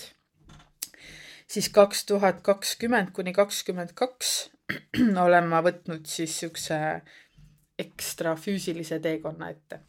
ehk siis äh, kõik pisikesed lihased ja asjad, mis on närbunud ja kõik, kõik asjad, mis on see stress on kehas katki teinud, tuleb nüüd siis füüsiliselt ka taastada. et äh, seal ma hakkan ühe toreda eratreenerist Steveni käest hakkab mind piitsutama peale tema trenni ma jäingi haigeks. Thanks, Steven rohkem ei lähe väga hea. ja raamatut saab osta kuskohast, kui veel jagub äh,? Recycle elustiilipoes, Tatari kuuskümmend neli on äh, seal müügil. ainult seal ongi müügil füüsilisel kujul ja ainult sinna jääbki. ja, ja siis äh, katisuun.ee lehelt saab äh, läbi Fienta saab tellida pakiautomaati kõik need lingid, mis Kati siin täna mainis, siis leiate siit äh, SoundCloudi kirjeldusest, kui allapoole vaatate või siis Facebooki ausad mehed Facebooki postitusest, kus me oleme Kati saateid või saadet siis promonud, sõltub nüüd, kas sa kuuled esimest korda või korduvalt. tähendab, kas see nüüd on saade, mida sa kuulad täna kümnenda kuupäeval või see ilmub hiljem või kuulad, ühesõnaga vahet pole. vaata ausalt mehe Facebooki. seal on kõik olemas. raske mõnikord ette lindistada asju, sest sa räägid tuleviku vormi, siis sa ei tea, mis sa tegelikult teed. me kogu aeg oleme tulevikus ju. nii. aitäh sulle, Kati palun, ma loodan, et äh, said ka midagi. mina sain väga palju, ma arvan, et kuulajad said ka väga palju ja, ja sulle ka suur-suur au, armas kuulaja, kaks tundi jälle vastu pidada siin. kõva sõna, et äh, no meilt on isegi nõutud kolmetunniseid podcast'e, nii et ma ei no, tea, mis sellest saab. siis äh,, siis on nii. siis on nii. kuule, aga aitäh sulle ja, ja, ja näeme sinuga. kus iganes, on ju. aitäh. tšau Ciao.